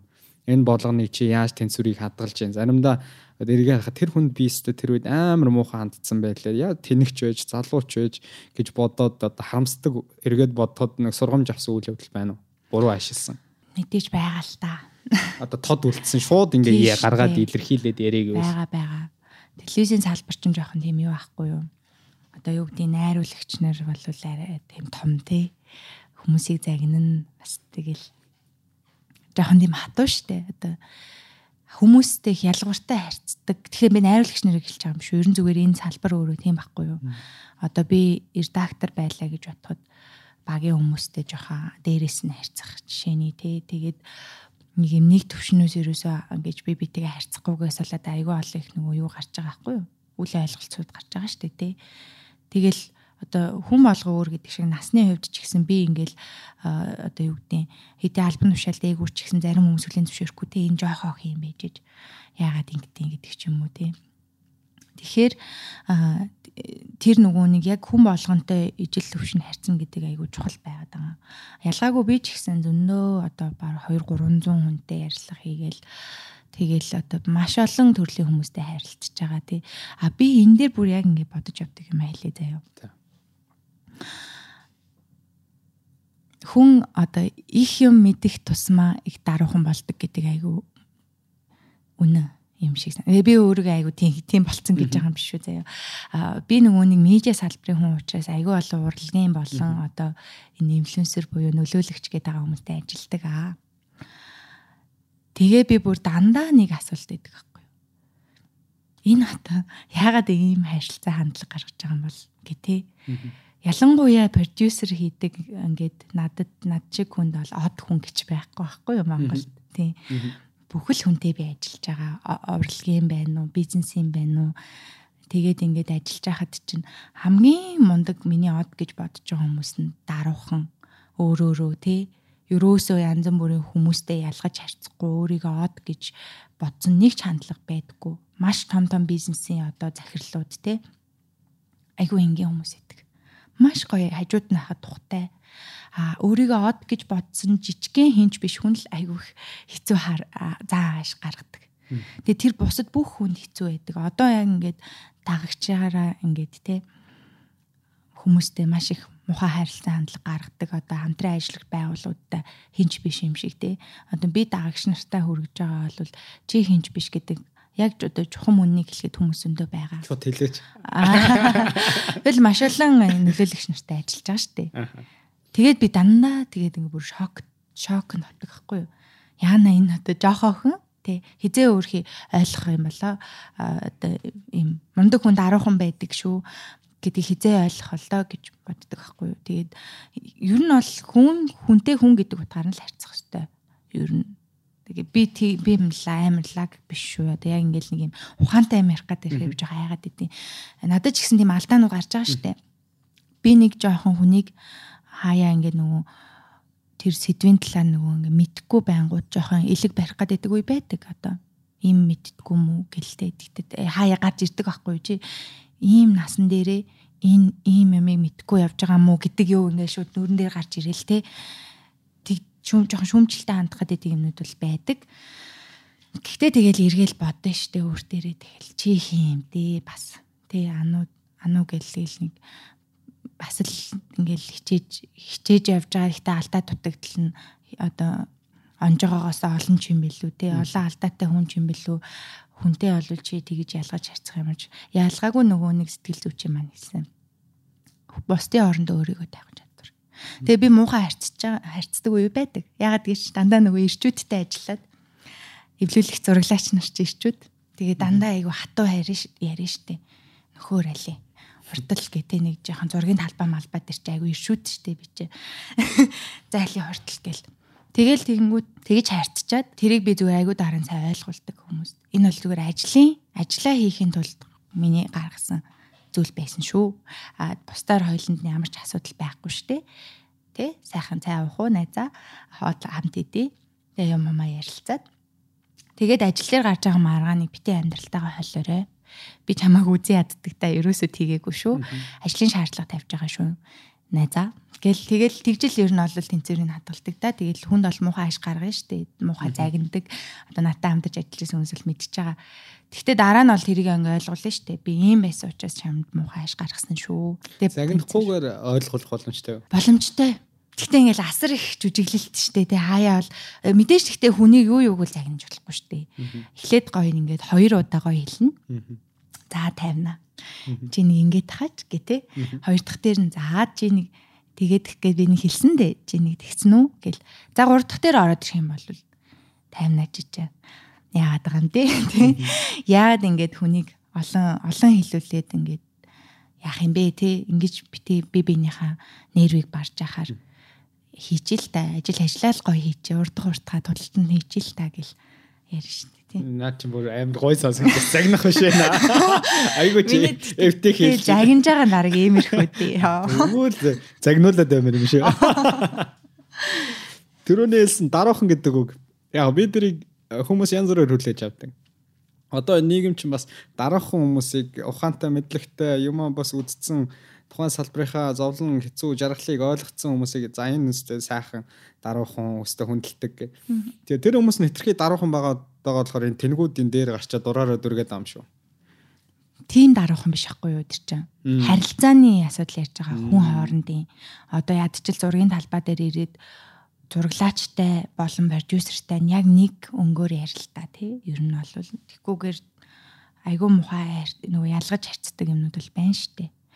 Тэгхгүйгээр л байгаа ч л гэж байгаа юм. Зураглаачийг хүн биш юм шиг харьц харьцах ямар ч тэр хүнд ирэх байхгүй. Тэр бол яг ингээл ажиллаа хийж явж байгаа л хүн байхгүй юу. Тийм харилцааны доголдолыг яриад байгаа байхгүй юу. Тэрийн салбарт нь мундгууд бол дандаа даруухан байдаг. Байгаа шүү дээ. Тийм бол тэр бол бас дахиад нэг айгүй том сэдв. Тийм тийм байл эдийн засгчдыг гуйгаалгаа та нар ил гарч ягаа юм а ярьдгүй юм гэхээр бид нар тийм юм байхгүй дээ. Урдгаа хийж байгаа хүмүүс дээ гэдэг. Тэгээд идэг зан харилцааны хувьд ярьж байгаа шүү би. За ойлголоо. Төрөөнөөс сошь нэг яранда нэг ийм зүйлүүд ажиглагдлаа л да. Одоо чинь нэг яг өөрийгөө магтах нэг нөхцөл үүсэнгүүд ч юм уу. За би ер нь тэр талаар ингэвэн за хүмүүсээ буруугаар ойлгочих вэ гэдэг ингээд Тэгэхээр бидний одоо медиа салбарт гараад ингээ камерны өмнө контент хийдэг хүмүүсийн нэг хэцүү асуудал бол бусдын шүүмж яагаад байдаг хүмүүс дураараа орж ич ингээд юу гэж л бол юу гэж хэлдэг яа тэгэхээр чи эзэн би цаана байхгүй учраас тэгэхээр өөрөө хэр энзэг бай За аз болоход би Lunch Hour подкастн дээрээ тэгж их сөрөг комент авч байгаагүй. Аз гих үү юу гих үү одоо мэдэхгүй байна. Ур чадвар юм шүү. Тий одоо мэдэхгүй ур чадвар юм уу? Ямар ч байсан тоотой хийдхэн комент сөрөг комент авчиж баг 10 дотор байх шүү. Тий тэгээ би бол бүр гайхдаг байсан. Яагаад намайг шүмжлэхгүй байна ямар сони гэх тий. Тэгээ яг нэг жоохон хаяа жоохон ууших гадээ шүү, нуушиж ярих гадээ шүү гэд нөхөрсгөөр айгүй шүмжлээ. Тэгэхээр нь би манай сонсогчд эсгүй бол ийм гоё одоо намайг шүмжилсэн ч гэсэн ингээ гоё хэлээд байгаа юм бах та гэл. Магадгүй би entertainment юм хийдэг гэсэн бол айгу муха муха шүмжил аваад тэрэндээ айгу хэмзэглэх байсан байхаа магадгүй. А гэтээ би ингэж бодчихжээ одоо lunch hour подкастыг хийгээл тухайн үед нөгөө комент момент нуусаа эмзэглэх юм байгаагүй. Юм нэлээ бүгдээр л гоё комент хийсэн баярлалаа. Тэгтээ нэг юм жоо хэцүү байсан тухай үедээ хотын төвд ингээ офстой байхаар тэнд хотын төв хаваар намайг нэг жоохон таних хүн таних магадлал жоохон нэмэгдээд ирсэн баггүй юу? Ягаад тэр чинь нөгөө бизнесийн санхүүгийн подкаст те. Тэгэхээр нөгөө хотын төвийн офс дээр байдаг хүмүүс илүү сонссон байдаг ч юм уу.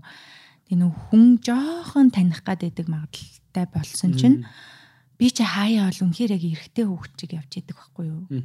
Бүр яг эрэгтэй хүүхэд заяа будаггүй, юудэнтэй малгайтай. Тэгээд тэгж явах орон зайг болсон би. Би нэг удаа бүр яасан гэж нөгөө лифт дүүрэн хүмүүс дунд суусан чинь чи нөгөө ланч аврын ануу юу гэж асуухгүй юу? Би бүр үнэхээр амар царайтай явжсэн заяа. Ой нүүр мөрөн дээр амар юм гарцсан. Айгу муха ингээд хувцас муцанд анхаараагүй тий. Үс мүс жоохон харцгаар тий. Тэгээ нөгөө тэгээ би бүр хичээд. За яана би ч одоо нэг л подкаст нэр чи хүн хичин шүү дээ. Үзэгчтэй хүндлээд үс гизгээ янзлан нүр амаа янзлан гоё хувцлан. Тэгээ тийм байдалтай таарчаар анхудаа харж байгаа хүн юу гэж бодгоо энэ охин чинь ийм л охин байсан байж тээ гэж угаасаа хүн болгон боддог тий. Тэгээ би тийм юмнаас бүр ингээ айцтай болоод маск зааск зүгээд би нэг амар олны танилтай биш шүү. Зүгээр л хин нэгэн таньдаг хүн таар одоо намайг таньдаг байх магадaltaй хүн таарлаа гэж бодоход би тэр хүлээлтэнд нь хизээч хүрэхгүй байх үдэ гэдэг тийм сонио айц төрт юм лээ. Тэгэхээр тэр чинь амьдрал чи эсэргээрээ ингээд сөргөөр нөлөөлөд байгаа. Тийм, сөргөөр нөлөөсөн шүү. Ураараа тайван баймир шүү. Тийм. Би одоо баар мааранд явж таалт ч сарандаа хүмүүс. Оо чи шинэ гасгаад юм. Ярддаг юм нөөрэй. Тэгтээ ч би шоуд шүү дээ. Би дэггүй дэггүй юм хийн шүү дээ, тий. Би нэг шоуд жагаадаас миний подкаст уншдаг гинэ. Сонсдог хүмүүстэй таарч исэн. Айгүй эвгүй юм бэлээ. Зүгээр л амир эвгүй. Тэгээ ер нь би жоохон угаасаа болмоор санагдчихсан жаахан ер нь би камерын урд байх хүн биш юм шиг байна гэл. Тийм. Энэ гэхдээ эцсийн дүндээ би болохоор үүнийг юу гэж өөрлөгөө хөрвүүлсэн гэхээр би бол бас дураараа баймаар байгаа шүү дээ. Тэнгүүд энтэнд хүмүүс одоо юу гэдэг чинь оо энэ нэг сүртэй сүртэй яриад байдгийгсэн чинь ийм газар явж гин штэ ч юм уу те. Гэхдээ эцсийн дундаа сүүл бүрийтэй подкаст гэхээр бүрий их гоё хэлсэн. Тэгээ би санал нийлсэн. Эцсийн дүндээ би өөртөө таалагдах жил хийдэг гэдэг. Яг л тийм. Хэднийгсэндээ би 148 дахь дугаарыг яваад бичиж чинь өөртөө таалагдах гэдэг тэрийг итгүүлчүүл амар хэрэгтэй юм лээ. Яа тэгэхээр хэн нэгэн үзэгчд зориулж хийж байгаа. Гэхдээ өөртөө таалагдах нь чухал. Энэ дугаарыг би үнэхээр өөртөө сэтгэл хангамжтай хийчлээ дээ. Тийм үл яах вэ гадуур бид чинь тэгэл явчихад би өөртөө таалагдах л хийдэж штэ. Тэгээ чи наа юу гэж бодноо уучлаарай. Тэр бол таны сонголт гэж юммаар шиг л. Аа. Гэхдээ яах тийм л дээ. Одоо тэр чин та ингээ та хоёрын хувийн одоо контент байгаа дээ штэ. Ланч авар бол миний хувийн юм биш байхгүй. Би ингээл дураараа дургаал те. Аа би яач ч болно гэсэн юм байхгүй тэр чинь бол байгууллагын бизнес. Байгууллагын имиж явж байна тийм. Тэгээд хоёрдугаар гэх юм бол тэр чинь бизнес санхүүгийн дандаа одоо сийн нэмэх албан тушаал гэж ярьдаг. Одоо дандаа тэгээ гүйцэтгэх удирдлагын албан тушаалуудтай би яриа хийж яадаг хүн учраас бас их олон нөгөө юу байгаа цензур бол байсан. Тэгээд ирэхээр угаасаа би нэг өөрийнхөө дураараа дөргиж чадахгүй байхгүй юу. Одоо тодорхой хэмжээний юм гэл нөгөө нэг юунууд байгаад штэ надад ийм хаалтууд байгаад идэг тий. Тэгээд ирэхээр л зүгээр өөрийнхөөрөө байж чадхаа байлал тэндээсээ нөгөө жоохон кайф авах нь сэтгэл ханамж авах нь айгу баг сэтгэл юм билээ л дээ. Яг хэдий би хүмүүст айгу гоё юм мэдээлэл өгч байна. Гэхдээ л айгу нөгөө баригдмал байгаад идэг л хамаа хамаагүй юм ярьж болохгүй дээ. Тэгээ би өөрөө а тий нэг юм нөгөө хүмүүс айгу юмаа мэдэж асуудаг гэл тэгчдэг болохоор би нөгөө нэг ямар бэлтгэлгүй орох ямар ч нөгөө нэг юг болчихж байгаа байхгүй юу. Тийм боломжгүй болчихж байгаа. Хүмүүсийн тэнд хүлээлттэй штэ тий. Тэгчингүүд би тэрэнд хүрэхийн тулд хэдэн шүн ингээл анханасаа би бол санхүүгийн ойлголт байхгүй штэ. Тиг шоу хийж явж байгаа ирсэн юм чи. Хувьцаа гэж юу юм, бонд гэж юу юм. Яг сургууль сурж байгаа хүүхчиг ингээл бичээл тэмдэглээл шүнжэнгөө ингээл унтад цэрэл баахан санхүүгийн хүмүүсийн ярьслага үзээлээ. Тэгэж тэгэж айгүйх явсан болохоор нөгөө тэр нөгөө хүмүүсийн хүлээлтэнд тас хүрэхийн тулд маш их бас ингээд өөрийгөө шахсан. Тэгэл ирэхээр нэг ядраал бас болдгоо мэлий. Тэгэл нөгөө эвлүүлэг мэвлүүлгээ өөрөө хийдэг болохоор ч хон жүнжөөл тэгэл хон жүнж зүүн ч маргааш нь подкаст нэр хачин царайтай юм сууж ийн толгой тархин жоохон гацсан тий. Тэгэл хүнтэйгээ гоё яриа өрнүүлэх хэвээр гэл жоохон дэм юмнууд л гарсан. Тий. За ойлголоо. Маш гоё гоё хэсгүүд гарч ирж шүү энэ яриа маань. Нэлийн баялаг болчихно. Тэгээ дөрөв нэг хувцлалт ялсан болохоор би бас сонсогч нартай хэлэх алгаа. Би ингээ хөөдөлтөө сууж байгаа. Энэ бол өглөө би ууланд гарсан юм аа. Тэгээд энэ дугаар хийчихэ. Бусдаар одоо өмнөх дугаарууд дээр ингээд чи ажлын өдөр бичдэг учраас ажлаасаа шууд ирээд бичдэг ингээ осч юм bijagтай сууж байна. Айгуу цэмцгөө суудаг. За өнөөдөр бол яг амралтын өдрийн мүүд байна. Тэгэхээр чөлөөт ярилцлага байдраа явж байгаа учраас сонсогч нар болон одоо зочноо хүндлээгөө явдал ерөөсөө байх шүү. За тайлбар хэлсэн зүйтэй хаа. За PR маркетинг тал руу орно. Хоёул одоо сэтгүүл зүй ярьлаа. Одоо тэгэхээр дараагийн нэг том сэдв байгаад. За би бол PR маркетинг бас сайн мэдхгүй учраас нэлээд сонирхож байна. Нийгэм бол энэ хар PR гэдгээр л мэддэг шүү дээ. Тэгээд энэ хүмүүс сүүлийн үед бас нэлээд өөрсдийнхөө PR маркетинг ингээд медиа компаниудад мөнгө төлөөд үйлчлэг авдаг болоод энэ эхэлж ах юм соёл суугаад за PR маркетингийн салбарт бас том том гөрүүнөр буюу одоо мэрэгжлийн э, зовлон тухайн салбарынхаа зовлон жаргалыг мэддэг хүмүүстэй ажилласан гэж бол сонссон. Тэгээ энэ нэг ариун салбараас тэр хүмүүсээр сурсан мэдсэн зүйлээ нэг бид нартай сайн хуваалцаач. Аа. Яг одоо чи айгу гоё миний ярих дуртай заяа ярих дуртай ч байх. Тэ нэг олон хүнд ирсэн юм шиг. Тэ нөгөө нэг 30 өрөө доторч ирсэн шүү дээ гэдэг шиг. Хэн тэглээ. Яг сая тэрэн шиг өнгөсөр ирсэн. Аа PR маркетинг салбар руу ороод би нэг шоу хийж явж байгаа л ингээ өөр салбар руу орж иж байгаа. А тэр үед миний амьдралын бол хамгийн том ингээд нэг юм алгадalт гэж ярьдэн штэ тий одоо ингээд алгадуулж байгаа юм шиг ингээд сэрж байгаа юм шиг юм үйл явдал болсон байхгүй. Би бүр ингээд нэг л их мундаг хүн яваад байжсэн чинь PR маркетингийн салбарт орсон чинь бүр хинч бишийн хинч бишийн хинч биш заяа бүр юу юм бэ те би бүр юу ч мэддэггүй хүн болж таарсан байхгүй юу. Нөгөө миний яриад байсан шоу нэвтрүүлэх чинь зүгээр юм 10 хуваасны нэгэн хэсэг нь байсан байгаа байхгүй юу PR маркетингийн. Тэгэхээр бүр том салбар руу ороод ирчихэж байгаа гэсэн үг те нэг ёсондоо тэгээд ирсэн чинь би ингээ юу чадахгүй гэдгээ дахиж мэдрээд дахиад нөгөө шар хөдөлнөөдөө. Тэгээд шар хөдлөө явж исэн чинь ядчихэд ковид болоод карантинд орчихгүй юу. Тэгээд нэг баахан төсөл аваад карантинд орсон чинь галт урах байгаа юм чинь би. Нөгөө чаддгүй юм авцсан байж ич чи уг нь хүмүүсийнхээ хажууд байгаад би чи ингээд сураад хийх ёстой байсан чинь бедач хийх болчихж байгаа байхгүй юу.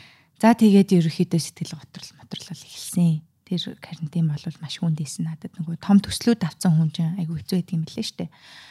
Тэгээд сэтгэл зүйчтэйгээ яриад би ингээд ажил ажиллаа ингээд яагаад байна.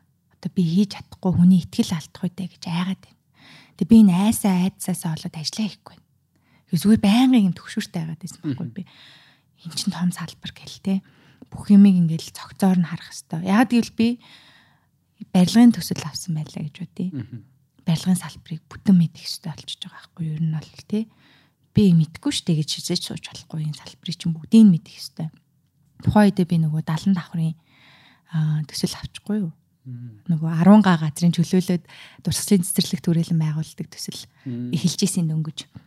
За тэгээ тийм төсөл аваад гэртээ байсан чинь тэр чинь шашин шүтлэг үхэл хагцал шарил ингээл айгүй олон юм яригдчихсэн. Тэгээд тийм төслүүдээ аваад гэртээ суугаад бас амар ясаа надад тухай үедээ. Тэгээ нөгөө жинхэнэ нөгөө гүүр өнөртэйгээ хамт бас хажууд нь байж чадахгүй болчихж байгаа байхгүй юу. Одоо салбарын хүмүүс бол мэдчихэж магадгүй Винзо бабуу гэд хүмүүс байгаа те. Тэр захирлуудтайгаа би бол ажиллаж исэн тэгээд үнэхээр бүр юм алмаар марахгүй яаж юм хүмүүсээс ийм гарч санаа гардаг байна гэдэг тэг тийм юм харж харж ирсэн карантинд орчоор ч би тийм санаа гаргаж чадахгүй бол харилцагчд хэцүү ээ дээ энэ нэгэн л манай компанид ажиллаж байгаа юм чинь Тэгээ тэнгүүт чинь тэр их шаналл зовлондоо бол айгүй их сэтгэл готрол мотролт орж явж байгаа сэтгэл зүйчтэйгээ нэлийн тулж ажиллаад тэгээ нэг карантин дуусч нэг юм эргэж нийлж аваад төслүүд дээр ажиллаж исэн юм. PR маркетингийн салбар бол үнэхээр үнэхээр одоо зүгээр хамгийн чухал салбар шүү дээ. Чи ямар мянга гой бизнес хийгээд маркетинг хийж чадахгүй бол яах вэ? Борлуулалтаа сайн хийж чадахгүй тий.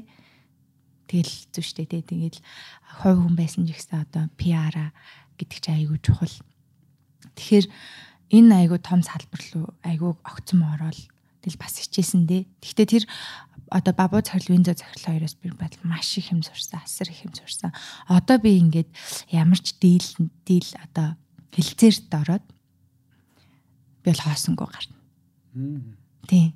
Би ярианы чадвартай аяг итгэлтэй байдаг байхгүй юу. Тийм би итгэн үнэмшүүлж а ямар нэгэн байдлаар би чамтай хэлцээрт хүрээд гарна. Тийм. Тэрийг би бол гэхдээ бабуу захирлын энзо захирал одоо сурч исэн. Хажууд нэг ажиглаж исэн хүний хувьд бол тийм. Энзо захирал манай подкастер бас эх 7 хоног тэрний дараа 7 хоноор орох ч. Тэглээ. Ер нь би хальт мэднэ л дээ. Манай нөгөө хөтөлбөрийн менежер ажиллаж байгаа. Галзуу. Тэр. Үнэхээр ч ирч хүчтэй болсон. Тэгэхээр үүнийг далимдуулаад асуу гэж бодож байна. Ер нь сайн удирдлагатай байх бол бас л хаац шүү дээ, тий. Үнэ. Үнэхээр том компанид ажиллахаас илүү удирдлага нь жижигч үн хамаагүй сайн хүний дор нэг 2-3 жил нухуулчих маш олон их сургуулийн 4 жил байтугай их зүйлийг сурдаг. Тэгээ одоо тэр хоёр хүнээс сурсан 3 топ зүйл гэх юм бол чи нэрлэлвэл юу вэ? За сая бол дийл хийхийг бол авчи заяа. За Хэрэлцээлд орох ур чадвар авсан юм байна. За. чадна. Тий, тэгээд одоо юу гэх юм топ 3 гिचгээр бас аюу хэцүү юм биш үү? Би нэг өөрийгөө 3-гээр тодорхойлооч гэдэг асуултанд аюу дургүй байхгүй. Яг тэр шиг ингэж хөрвүүллээ. Одоо яг чиний энэ удирдлагын салбарт ажиллаж байгаа шүү дээ. Гэрэл медиад өдөр тутамдаа юм уу шийдвэр гаргалтанд хэрэг тус болж байгаа зүйлс. Аа аа зөв. Ингэдэг гэсэн.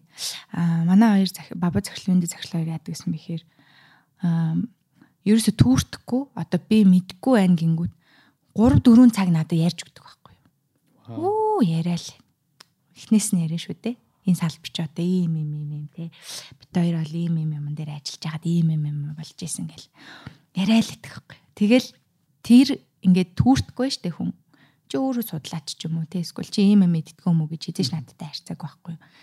Тэр олон цагийг зарцуулаад ярьж өгöd байгаа байхгүй юу. Тэгээд тэр нь одоо би яг хэрэгжүүлдэг. Одоо хүмүүстэй даалгавар өгтөө ч юм уу өөр айгуу сайн тайлбарлаж өгдөг. Суурнаас нь. За ийм ийм ийм ийм ийм байдаг шүү. Тийм учраас би ийм юм хүсэж байгаа шүү гэдгээ айгуу тодорхой хэлж өгдөг.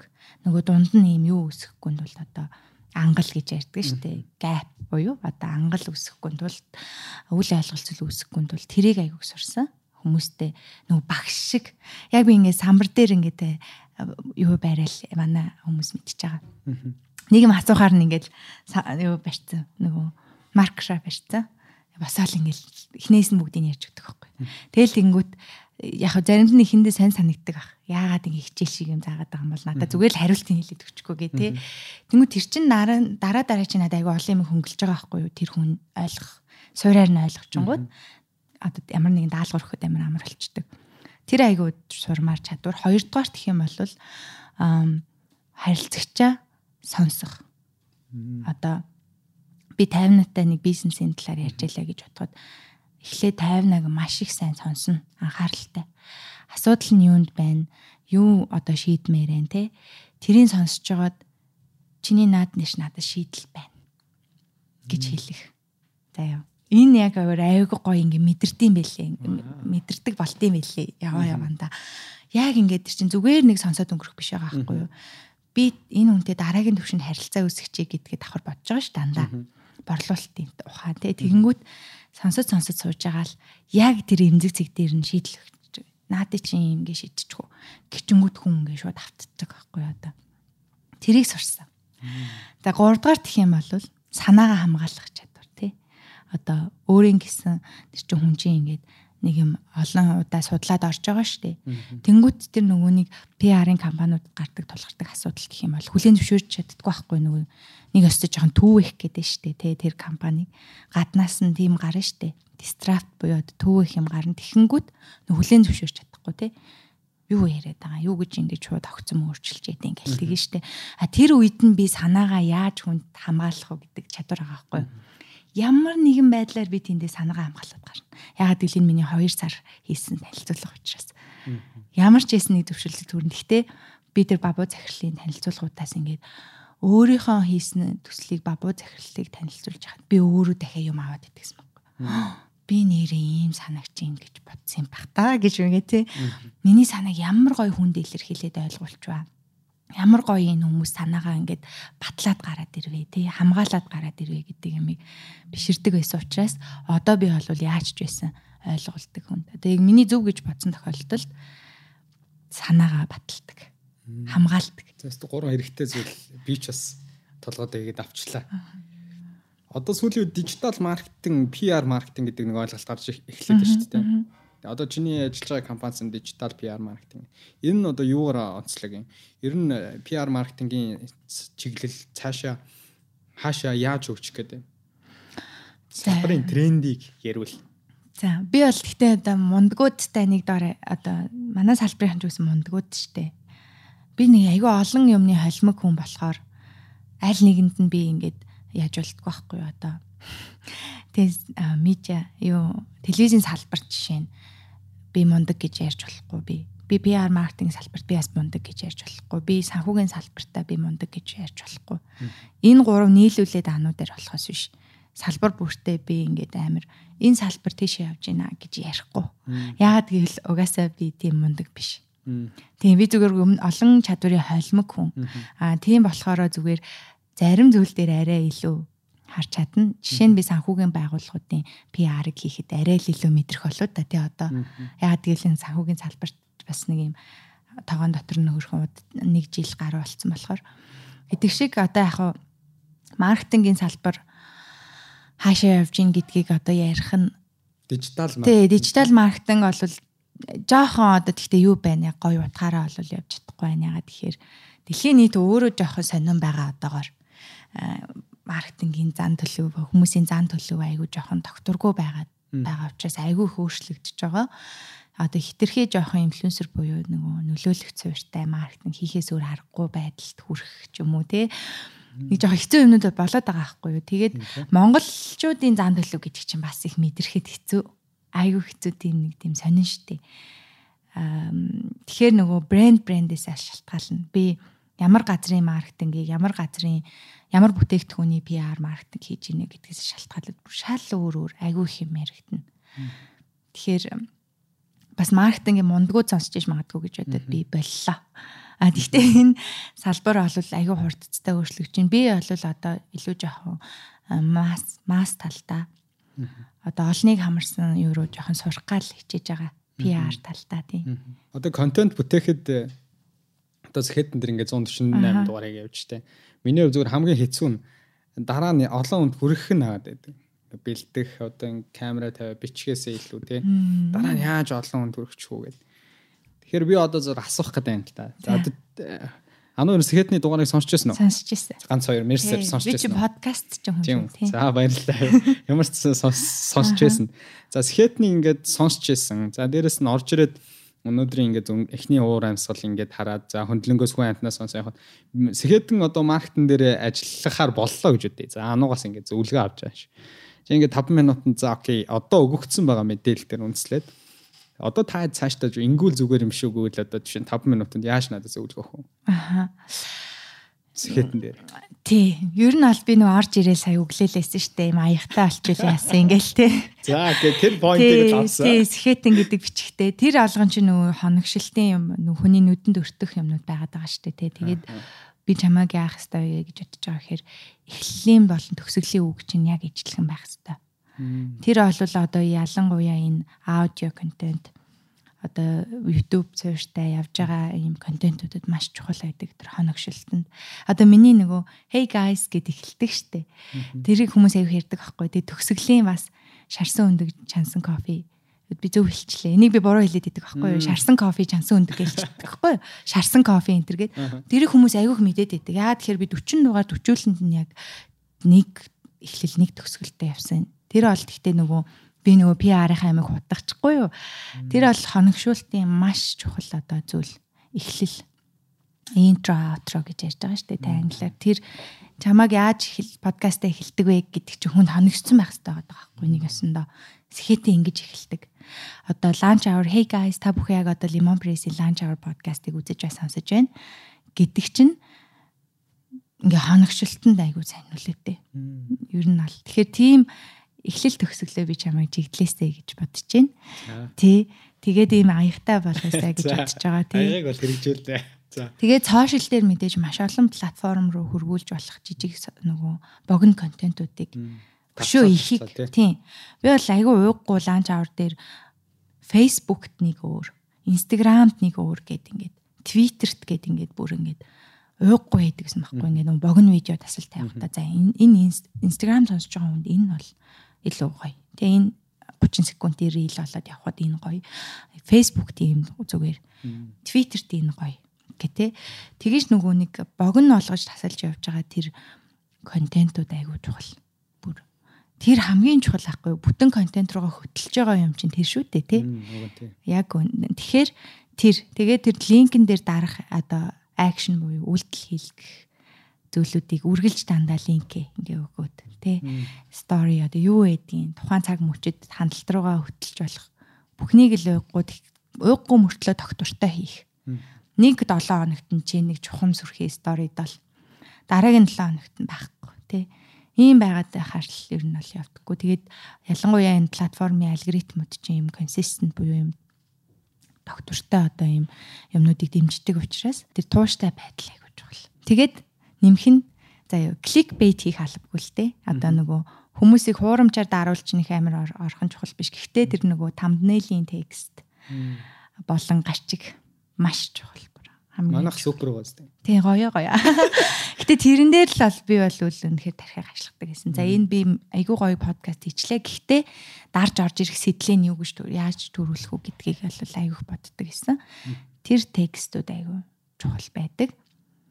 Тийм тэгэл ер нь бол зөндөө олон юмнууд байдаг. Да яг одоогоор бол юм эрхүүл юмнууд байна. Эвлүүлгээ ер нь би гэхдээ өөрөө бас хийж эхлэе гэж бодлоо биш эвлүүлэхдээ би өөрөө ш гар хөрддөг шүү дээ. Манай бас ачаал ихтэй амжихгүй давхар хийдэг болохоор тэгээ би өөрөө бас цаг заваараа өөрөө эвлүүлгээ хийдэг болчихвол яг над богнуудыг чинь хий гэж бодоод байгаа байхгүй. Тэгэхгүй яалтчгүй алдагдаад байгаа өнөө өнөө. Тий. Тэгээ яалч хэрэгжүүлнэ. Тэгээ тэр сабтайтлнаас айгуу чухал одоо хадмал бичиг байдаг. Тэр одоо маш чухал тооцогдож байгаа тий. Одоо уйггүй л тэр хадмлыг хийгээл.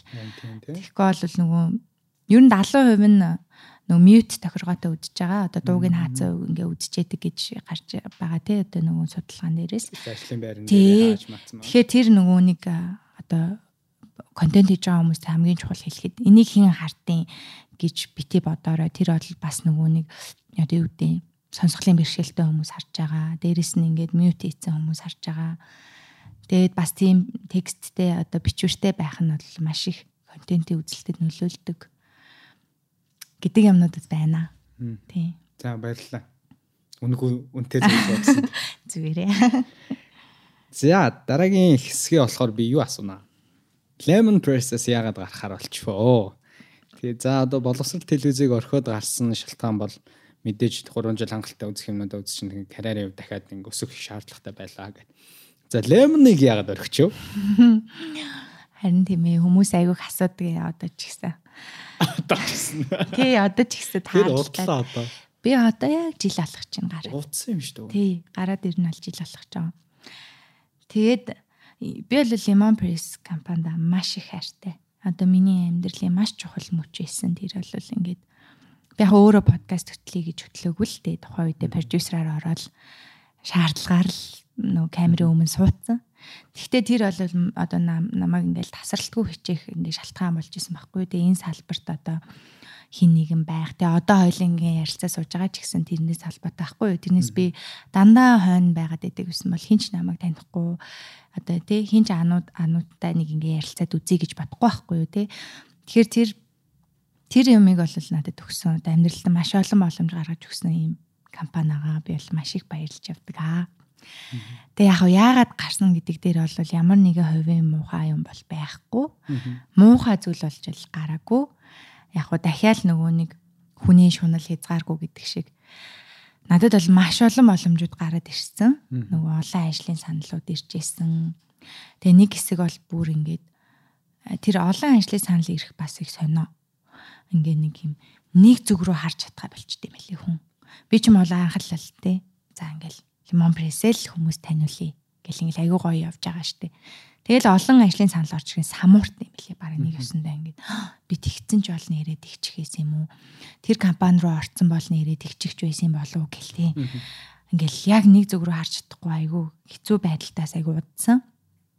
За тэгж тэгж явж байгаад ерөөхдөө одоо байгаа компанид орохоор болоод яагаад гэсэн бэ гэхэд зөв надад харьцангуй айгүй нөгөө эрх чөлөө байсан гэдг нь дахиад би нөгөө өөр салбарууд дээр ажиллаж үзэх боломжтой тэр юм руугаа тэмүүлээд эхэлсэн л дээ. Зөвхөн санхүү гэлтгүүгээр одоо би бол уурал уурхайн төслүүд одоо юу гэдیں те надад зөндөө төслүүд одоо манай дээр байна. Нийгмийн компанид ажлууд те нийгмийн хамарсан компанид ажлууд бүтээгдэхүүн хөгжүүлэлт манай менежментийн баг болохоор тиймэрхүү юмнууд хийдэг байхгүй. Тэгэхээр тэр одоо эрх чөлөө нэгдүгээрт ирсэн. Одоо ирэх боломжтой хоёрдугаар гэх юм бол цагийн хувьд надад маш гоё юм нөгөө боломжуудыг уяат нөхцөл. Тий, уяат нөхцөл өгч байгаа. Тэр нь би ол дундуур нь ажиллаа хаяад гадаад явж мавчдаг. Тий, тэгэл одоо тиймэрхүү нөгөө юмнууд гарна л та. Хувийнхаа журмаар томилтоор их явна. Тэр бол дандаа миний хувийн ажлууд гэдэг байхгүй юу? Миний үндсэн ажил биш. Тэгээ тэр олгонд одоо би өөр компанид байвал хэцүү шттэ хайж гад байгаа тий. Ажлаа хаяад би тэгж яваад иж болохгүй байхгүй. Тэгэхээр тэр эрх чөлөөг маань өгж өгж байгаа учраас 3 дугаар гэх юм бол би нөгөө бодож исэн өөрийн хэрэгжүүлэх гэж боддог юмнуудаа яг одоо эхнээс нь өөрийнхөө доор байгаа хүмүүстэй яг гоё ингээ нутагшуулъя гэдэг юм аяг боддог гэсэн байхгүй юм компани соёлч байт юм уу хүмүүсийн тэр нөгөө ажилдаа хандах хандлагч байт юм уу те би бүр багаас нь гоё суурнаас нь тавьмаар ирсэн. Тэгээд тэр үндсэн дээрээ би одоо ингээд компанийнхаа хүмүүстэй яг ингээ суураас нь явж байгаа ийм ийм ийм шүү ажилдаа ингэж бүгдээрээ хандан шүү бүгдээрээ урагшаа гэлээ тэр юмнууд байдаг байгаа учраас би ажлаа солих шийдвэрийг гаргасан да ер нь. Сүүлд инвескорын захирал анхуул захиралтай уулзсан. Тэгсэн чинь нэг юм юм ярьсан. Одоо компаниуд би асуусан юм л та өөрөөс нь. За та ингээд хүн хүмүүсээ их боддог гэдэг чинь тэгээд хүмүүстэй хэр их одоо чинь боддороо тий ярих бол нэг өөр хэр их анхаарал халамж тавьж чинь яаж хүмүүсээ тогтоон барих барьж чинь цалингаараа юу өөр бас хангамж нөхцөл нь сайн байна уу асуусан чинь миний асуулт нь энэ үг хэлэхэд би хүмүүсээ тогтоон байх гэж хичээдэг гэсэн. Энэ бас тийм нэг зөв зүйл биш. Аха. Энэ бол хүний сонголтын асуудал. Хүн явхаа өрх юм бол хийх ёстой юм аа. Сурах юм би болсон гэвэл явах ёстой. Харин ч би түүнийг дэмждэг. Бусдаа тэр хүнийг ингээд цалингаар нь хөшүүрэгдээл явуулахгүй за явах гээд явах нь салин гэж нэг 10 өнөө чи байжээ гэд тэр бол буруу тогтолцоо орчин үед бол хүний нөөцийн асуудал хүнд байгаа ч гэсэн. Бид нэр бол тийм зарчмаар бол явж болохгүй гэдэг зүйл ярьсан. Тэгэхээр анугийн хувьд эцэндээ мэдээж Lemon Press дээр бас өөр ингэсэн хувь нэмэр оруулах хэрэгтэй зүйлээ оруулаад дараагийн шатанд өөр зүйлийг хийж үзэж байгаа. Яг л карьерийн хувьд те. Хэрэгтэй зүйл ах. Тэгээд энэ дээр бол би сонирхож баг энийг хэлэх гэж асуусан шүү. За за. Окей. За одоо хийж байгаа компанийн талаар асууя гэж бодож байна. Хийж байгаа багтай хэ одоо ажиллаж байгаа компанийн талаар. За одоо яг ингээд гүйцэтгэх гүйцэтгэх удирдлагын багт ажиллаж байна. Шийдвэр гаргалтын төвшөнд очиж байна гэдэг чинь нэлийн өөр. За тэгээд залуу захирал шүү дээ тий. Тэгээд ингээд бусад компаниуд, медиагийн компаниуд. За энэ медиагийн компаниуд бас гарааны бизнес талдаа эхэлж байгаа учраас залуучууд маань ер нь өөрсдөө толгойлоод явж байгаа тохиолдол зөндөл байна л та.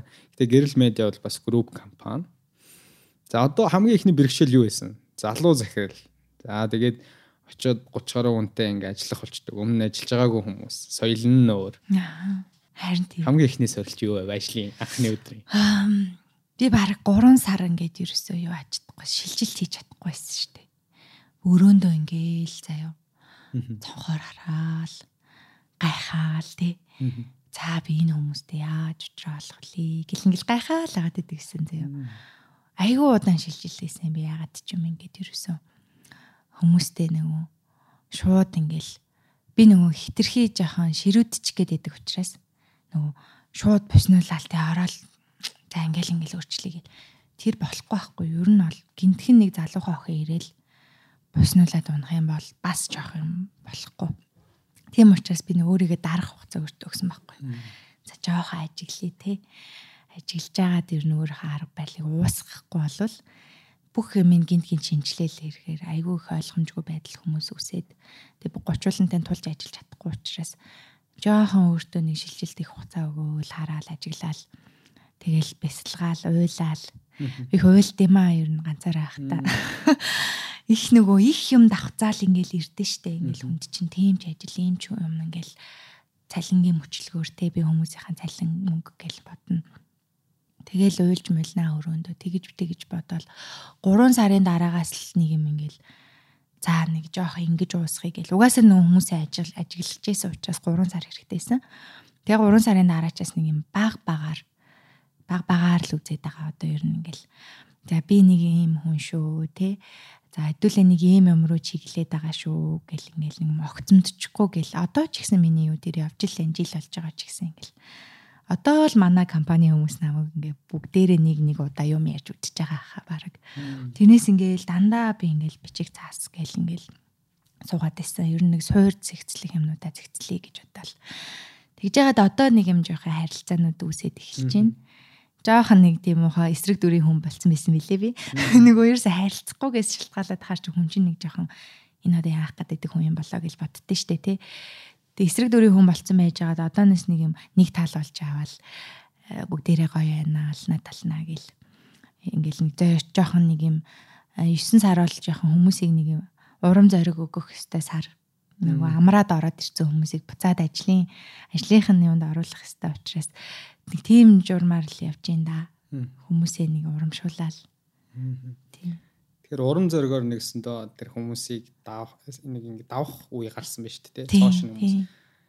Тэгээд урам зориг өгснөрөө давсан гэж ойлгож болох. Одоо жишээ нь компани дотроос хүмүүсээ дээш нь тавьдаг те ихэнх тохиолдолд дотроос захирлыг. Одоо жишээ нь анууд дэрийг э, Lemon Press-аас head hunt хийхгүйгээр дотроос нэг хүнийг тавьж болох л байсан байх тийм потенциалтай нэг хүн байсан л байгаа нэг яригдчихлээсэн.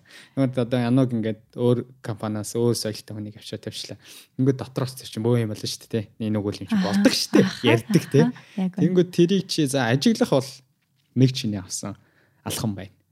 Тэр дундаас за энэ хүмүүсийг одоо жишээ нь урам өгөх гэхээр амар надад бүр гүнзгий ормоор гохгүй.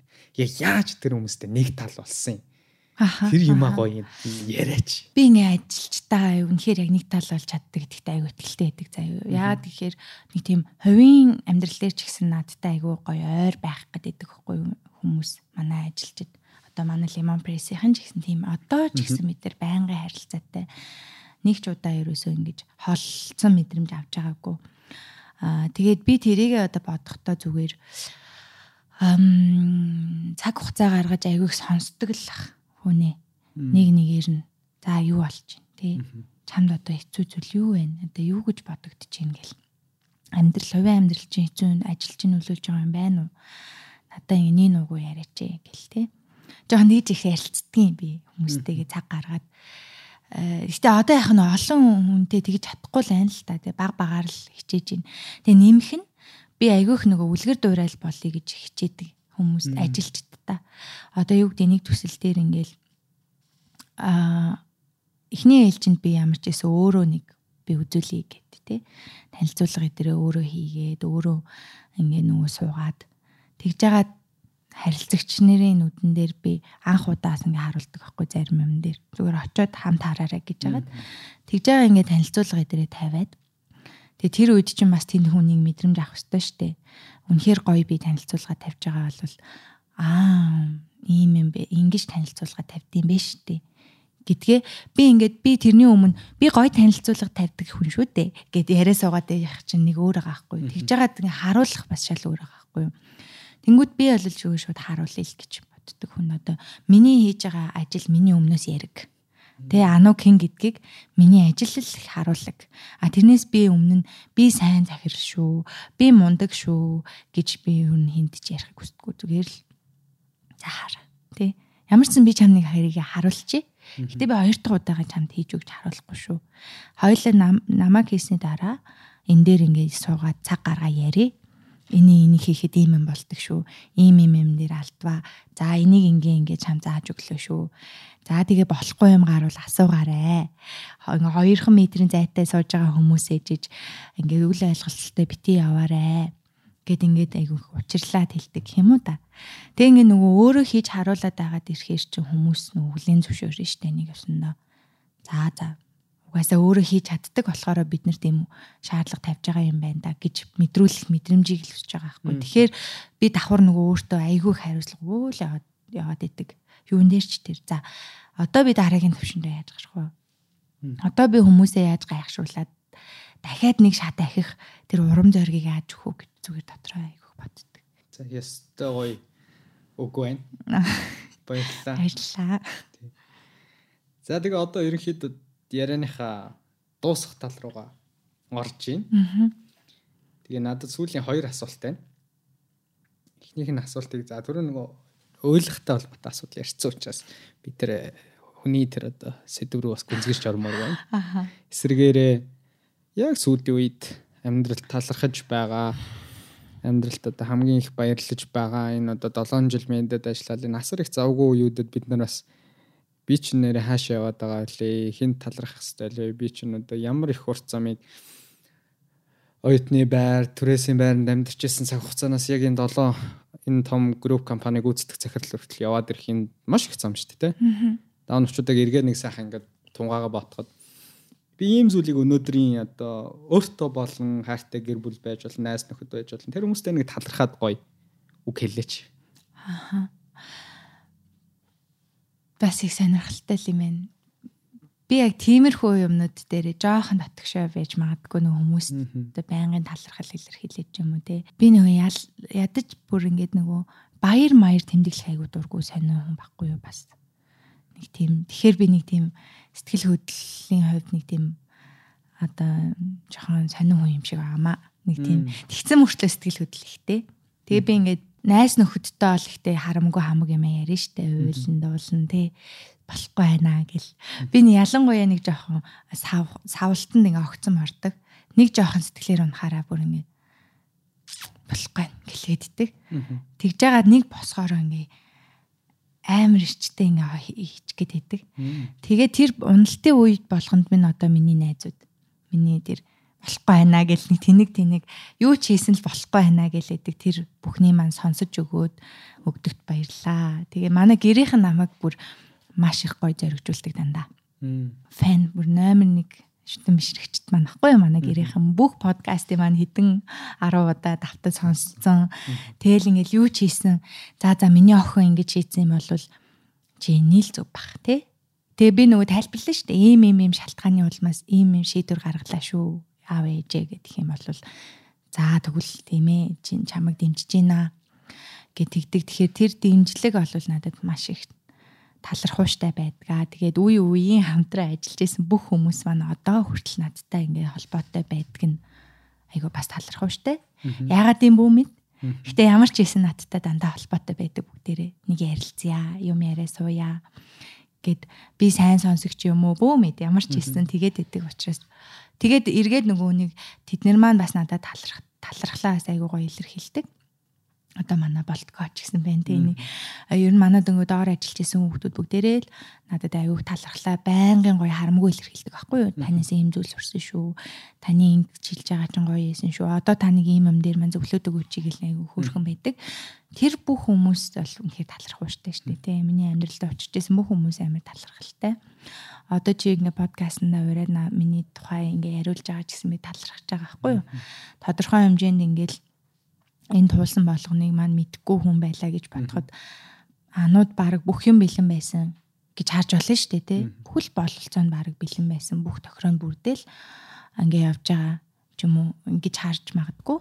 Гэтэ адилхан л зөндөө олон зүйлийг ингээл туулж явсан шүү. Тэгэхээр тэр бол болгонд бол намайг шантруулахгүй байсан тэр эргэн тойрны бүх хүмүүст маань бүгдээрээ л талархах Гэтэ би бүх юмыг ингэж айгүй эргээр хардаг хүн биш шүү. Нэг нь туйлаа угаасаа. Эерэг асуулт асуусан чи. Эерэг дуусгалгүй яах вэ? Тий. Тэгээд э, сүүлийн хүсэлт байна. Тэгээд нэвтрүүлгээ жаргахаас өмнө нэвтрүүлэг байх тий подкастаа жаргахаас өмнө. Энэ жилийн 11 сард Сэхэтэн подкастын одоо анх эхэлснээс хойш 7 жил болж байна. Дунд нь ковид үе завсарлснуудаа битээр хасвал за нэг 6 жил тасралтгүй хийгээ явж байгаа юм уу 5 6 жил. Тэгэхээр нэг манай подкастер нэг зочин зочин хөтлөгчөөр орооцсоо гэж хүсэж байна. За одоо чинь 154 ч юм уу 155 дахь дугаар ч хамаагүй. Нэг дугаарыг маань хөтлж өгөөч гэж хүсэж байна. Бидэд бас ингээ өмнө подкаст хийжсэн зөндөл хүмүүс ааш бас хөтлөгч нарыг бас урьж яг энэ ой дээрээ ингээд яг миний сууж байгаа байранд суугаад одоо өөрсдийн хүссэн зочинтойгоо манай платформыг ингээд ашиглаад хүрэлцэн яриад өргөдөд ярилцаасаа гэж хүсэж байгаа шүү. Ямар гоё юм бэ? Би хөтлөгчөө бас хөтлөгч хийдэг байсан үе санаж байгаа, санаж байгаа. Тэгэл тэгвэл манай хөсөлтийг ав шууд авчлаа гэсэн. Авна дээ. Одоо тэгэл дэмжин нөгөө нэг л салбарын хүмүүс энэ чинь адилхан хичээж авч байгаа залуучууд юм чинь те. Эний нэгээ дэмжин ш. Тэгэхээр асуудалгүй. За баярлалаа. Хичээнэ. 11 сард бичнэ. Тийм тэгээд ийм тууштай байгаа чинь нэрээ тэгтэн хэр мундаг юм аа. Би бол 40 дугаар подкаст хийгээ шантарсан хүний хувьд ийм гоё тууштай яж одоо болдгол юм бах та. Мэдгүй байна. Би л скол тийм тууштай хүн биш юм шиг байна. Э магадгүй нэг ажлынхаа хажуугаар хийж яах гэдэг чинь энэ өөрөө сэтгэл хобби гараж хийж байгаа. Ажил одоо биш шүү дээ тий. Харин тийм тийм болохоор тийм тууштай байх тий. Мундаг юм аа. Наваа хүмүүс өөрийнхөө Лаанч аварч бол ажил шүү дээ тий. Өөрийнхөө подкастыг хийхгүй мүү гэдэг би хийхгүй баха энэ их ажлын хажуугаар бас хажуугаар юм хийнэ гэдэг чинь бас хэцүү. Нэг зүйл дээрээ төвлөрөөд тэрэн дээр үр дүн гарах нь бас нэг талаараа илүү өгөөжтэй багт тийм. За хэдэн нэгэн цагт хийж магадгүй. Тийм шүү дээ. Хүний бодол үргэлж өөрчлөгдөж, шинжлэгдэж явж идэг. За тэгээд өнөөдөр манай студид хүрэлцэн ирээд цаг гаргаж маш нээлттэй өөрийнхөө хувийн амьдралаас эхлүүлээд энэ карьерийн амьдралынхаа бүтэн турш бас сурсан мэдсэн зүйлүүд нэг өгөөчтэй зүйл ярих гэдэг шиг. Хүмүүст хэрэгтэй зүйлүүдэд харамгүй хуваалцсанд баярлалаа. Тэгээд нэг хай фай үйч. Баярлаа. Оо ямар амир чанга. Чанга цагцсан. Окей. За энэ удаагийн дугаарыг хамтран хамтран гинэ. Юм л бол хамтран ажилласан байгууллагуудад хэлдэг болчиход байна шүү дээ. Энэ дугаарыг дуустал нь сонссон та бүхэнд маш их баярлалаа. Дараа дараагийн дугаараар дахин уулзлаа. Түр баяртай. Баяртай баярлалаа.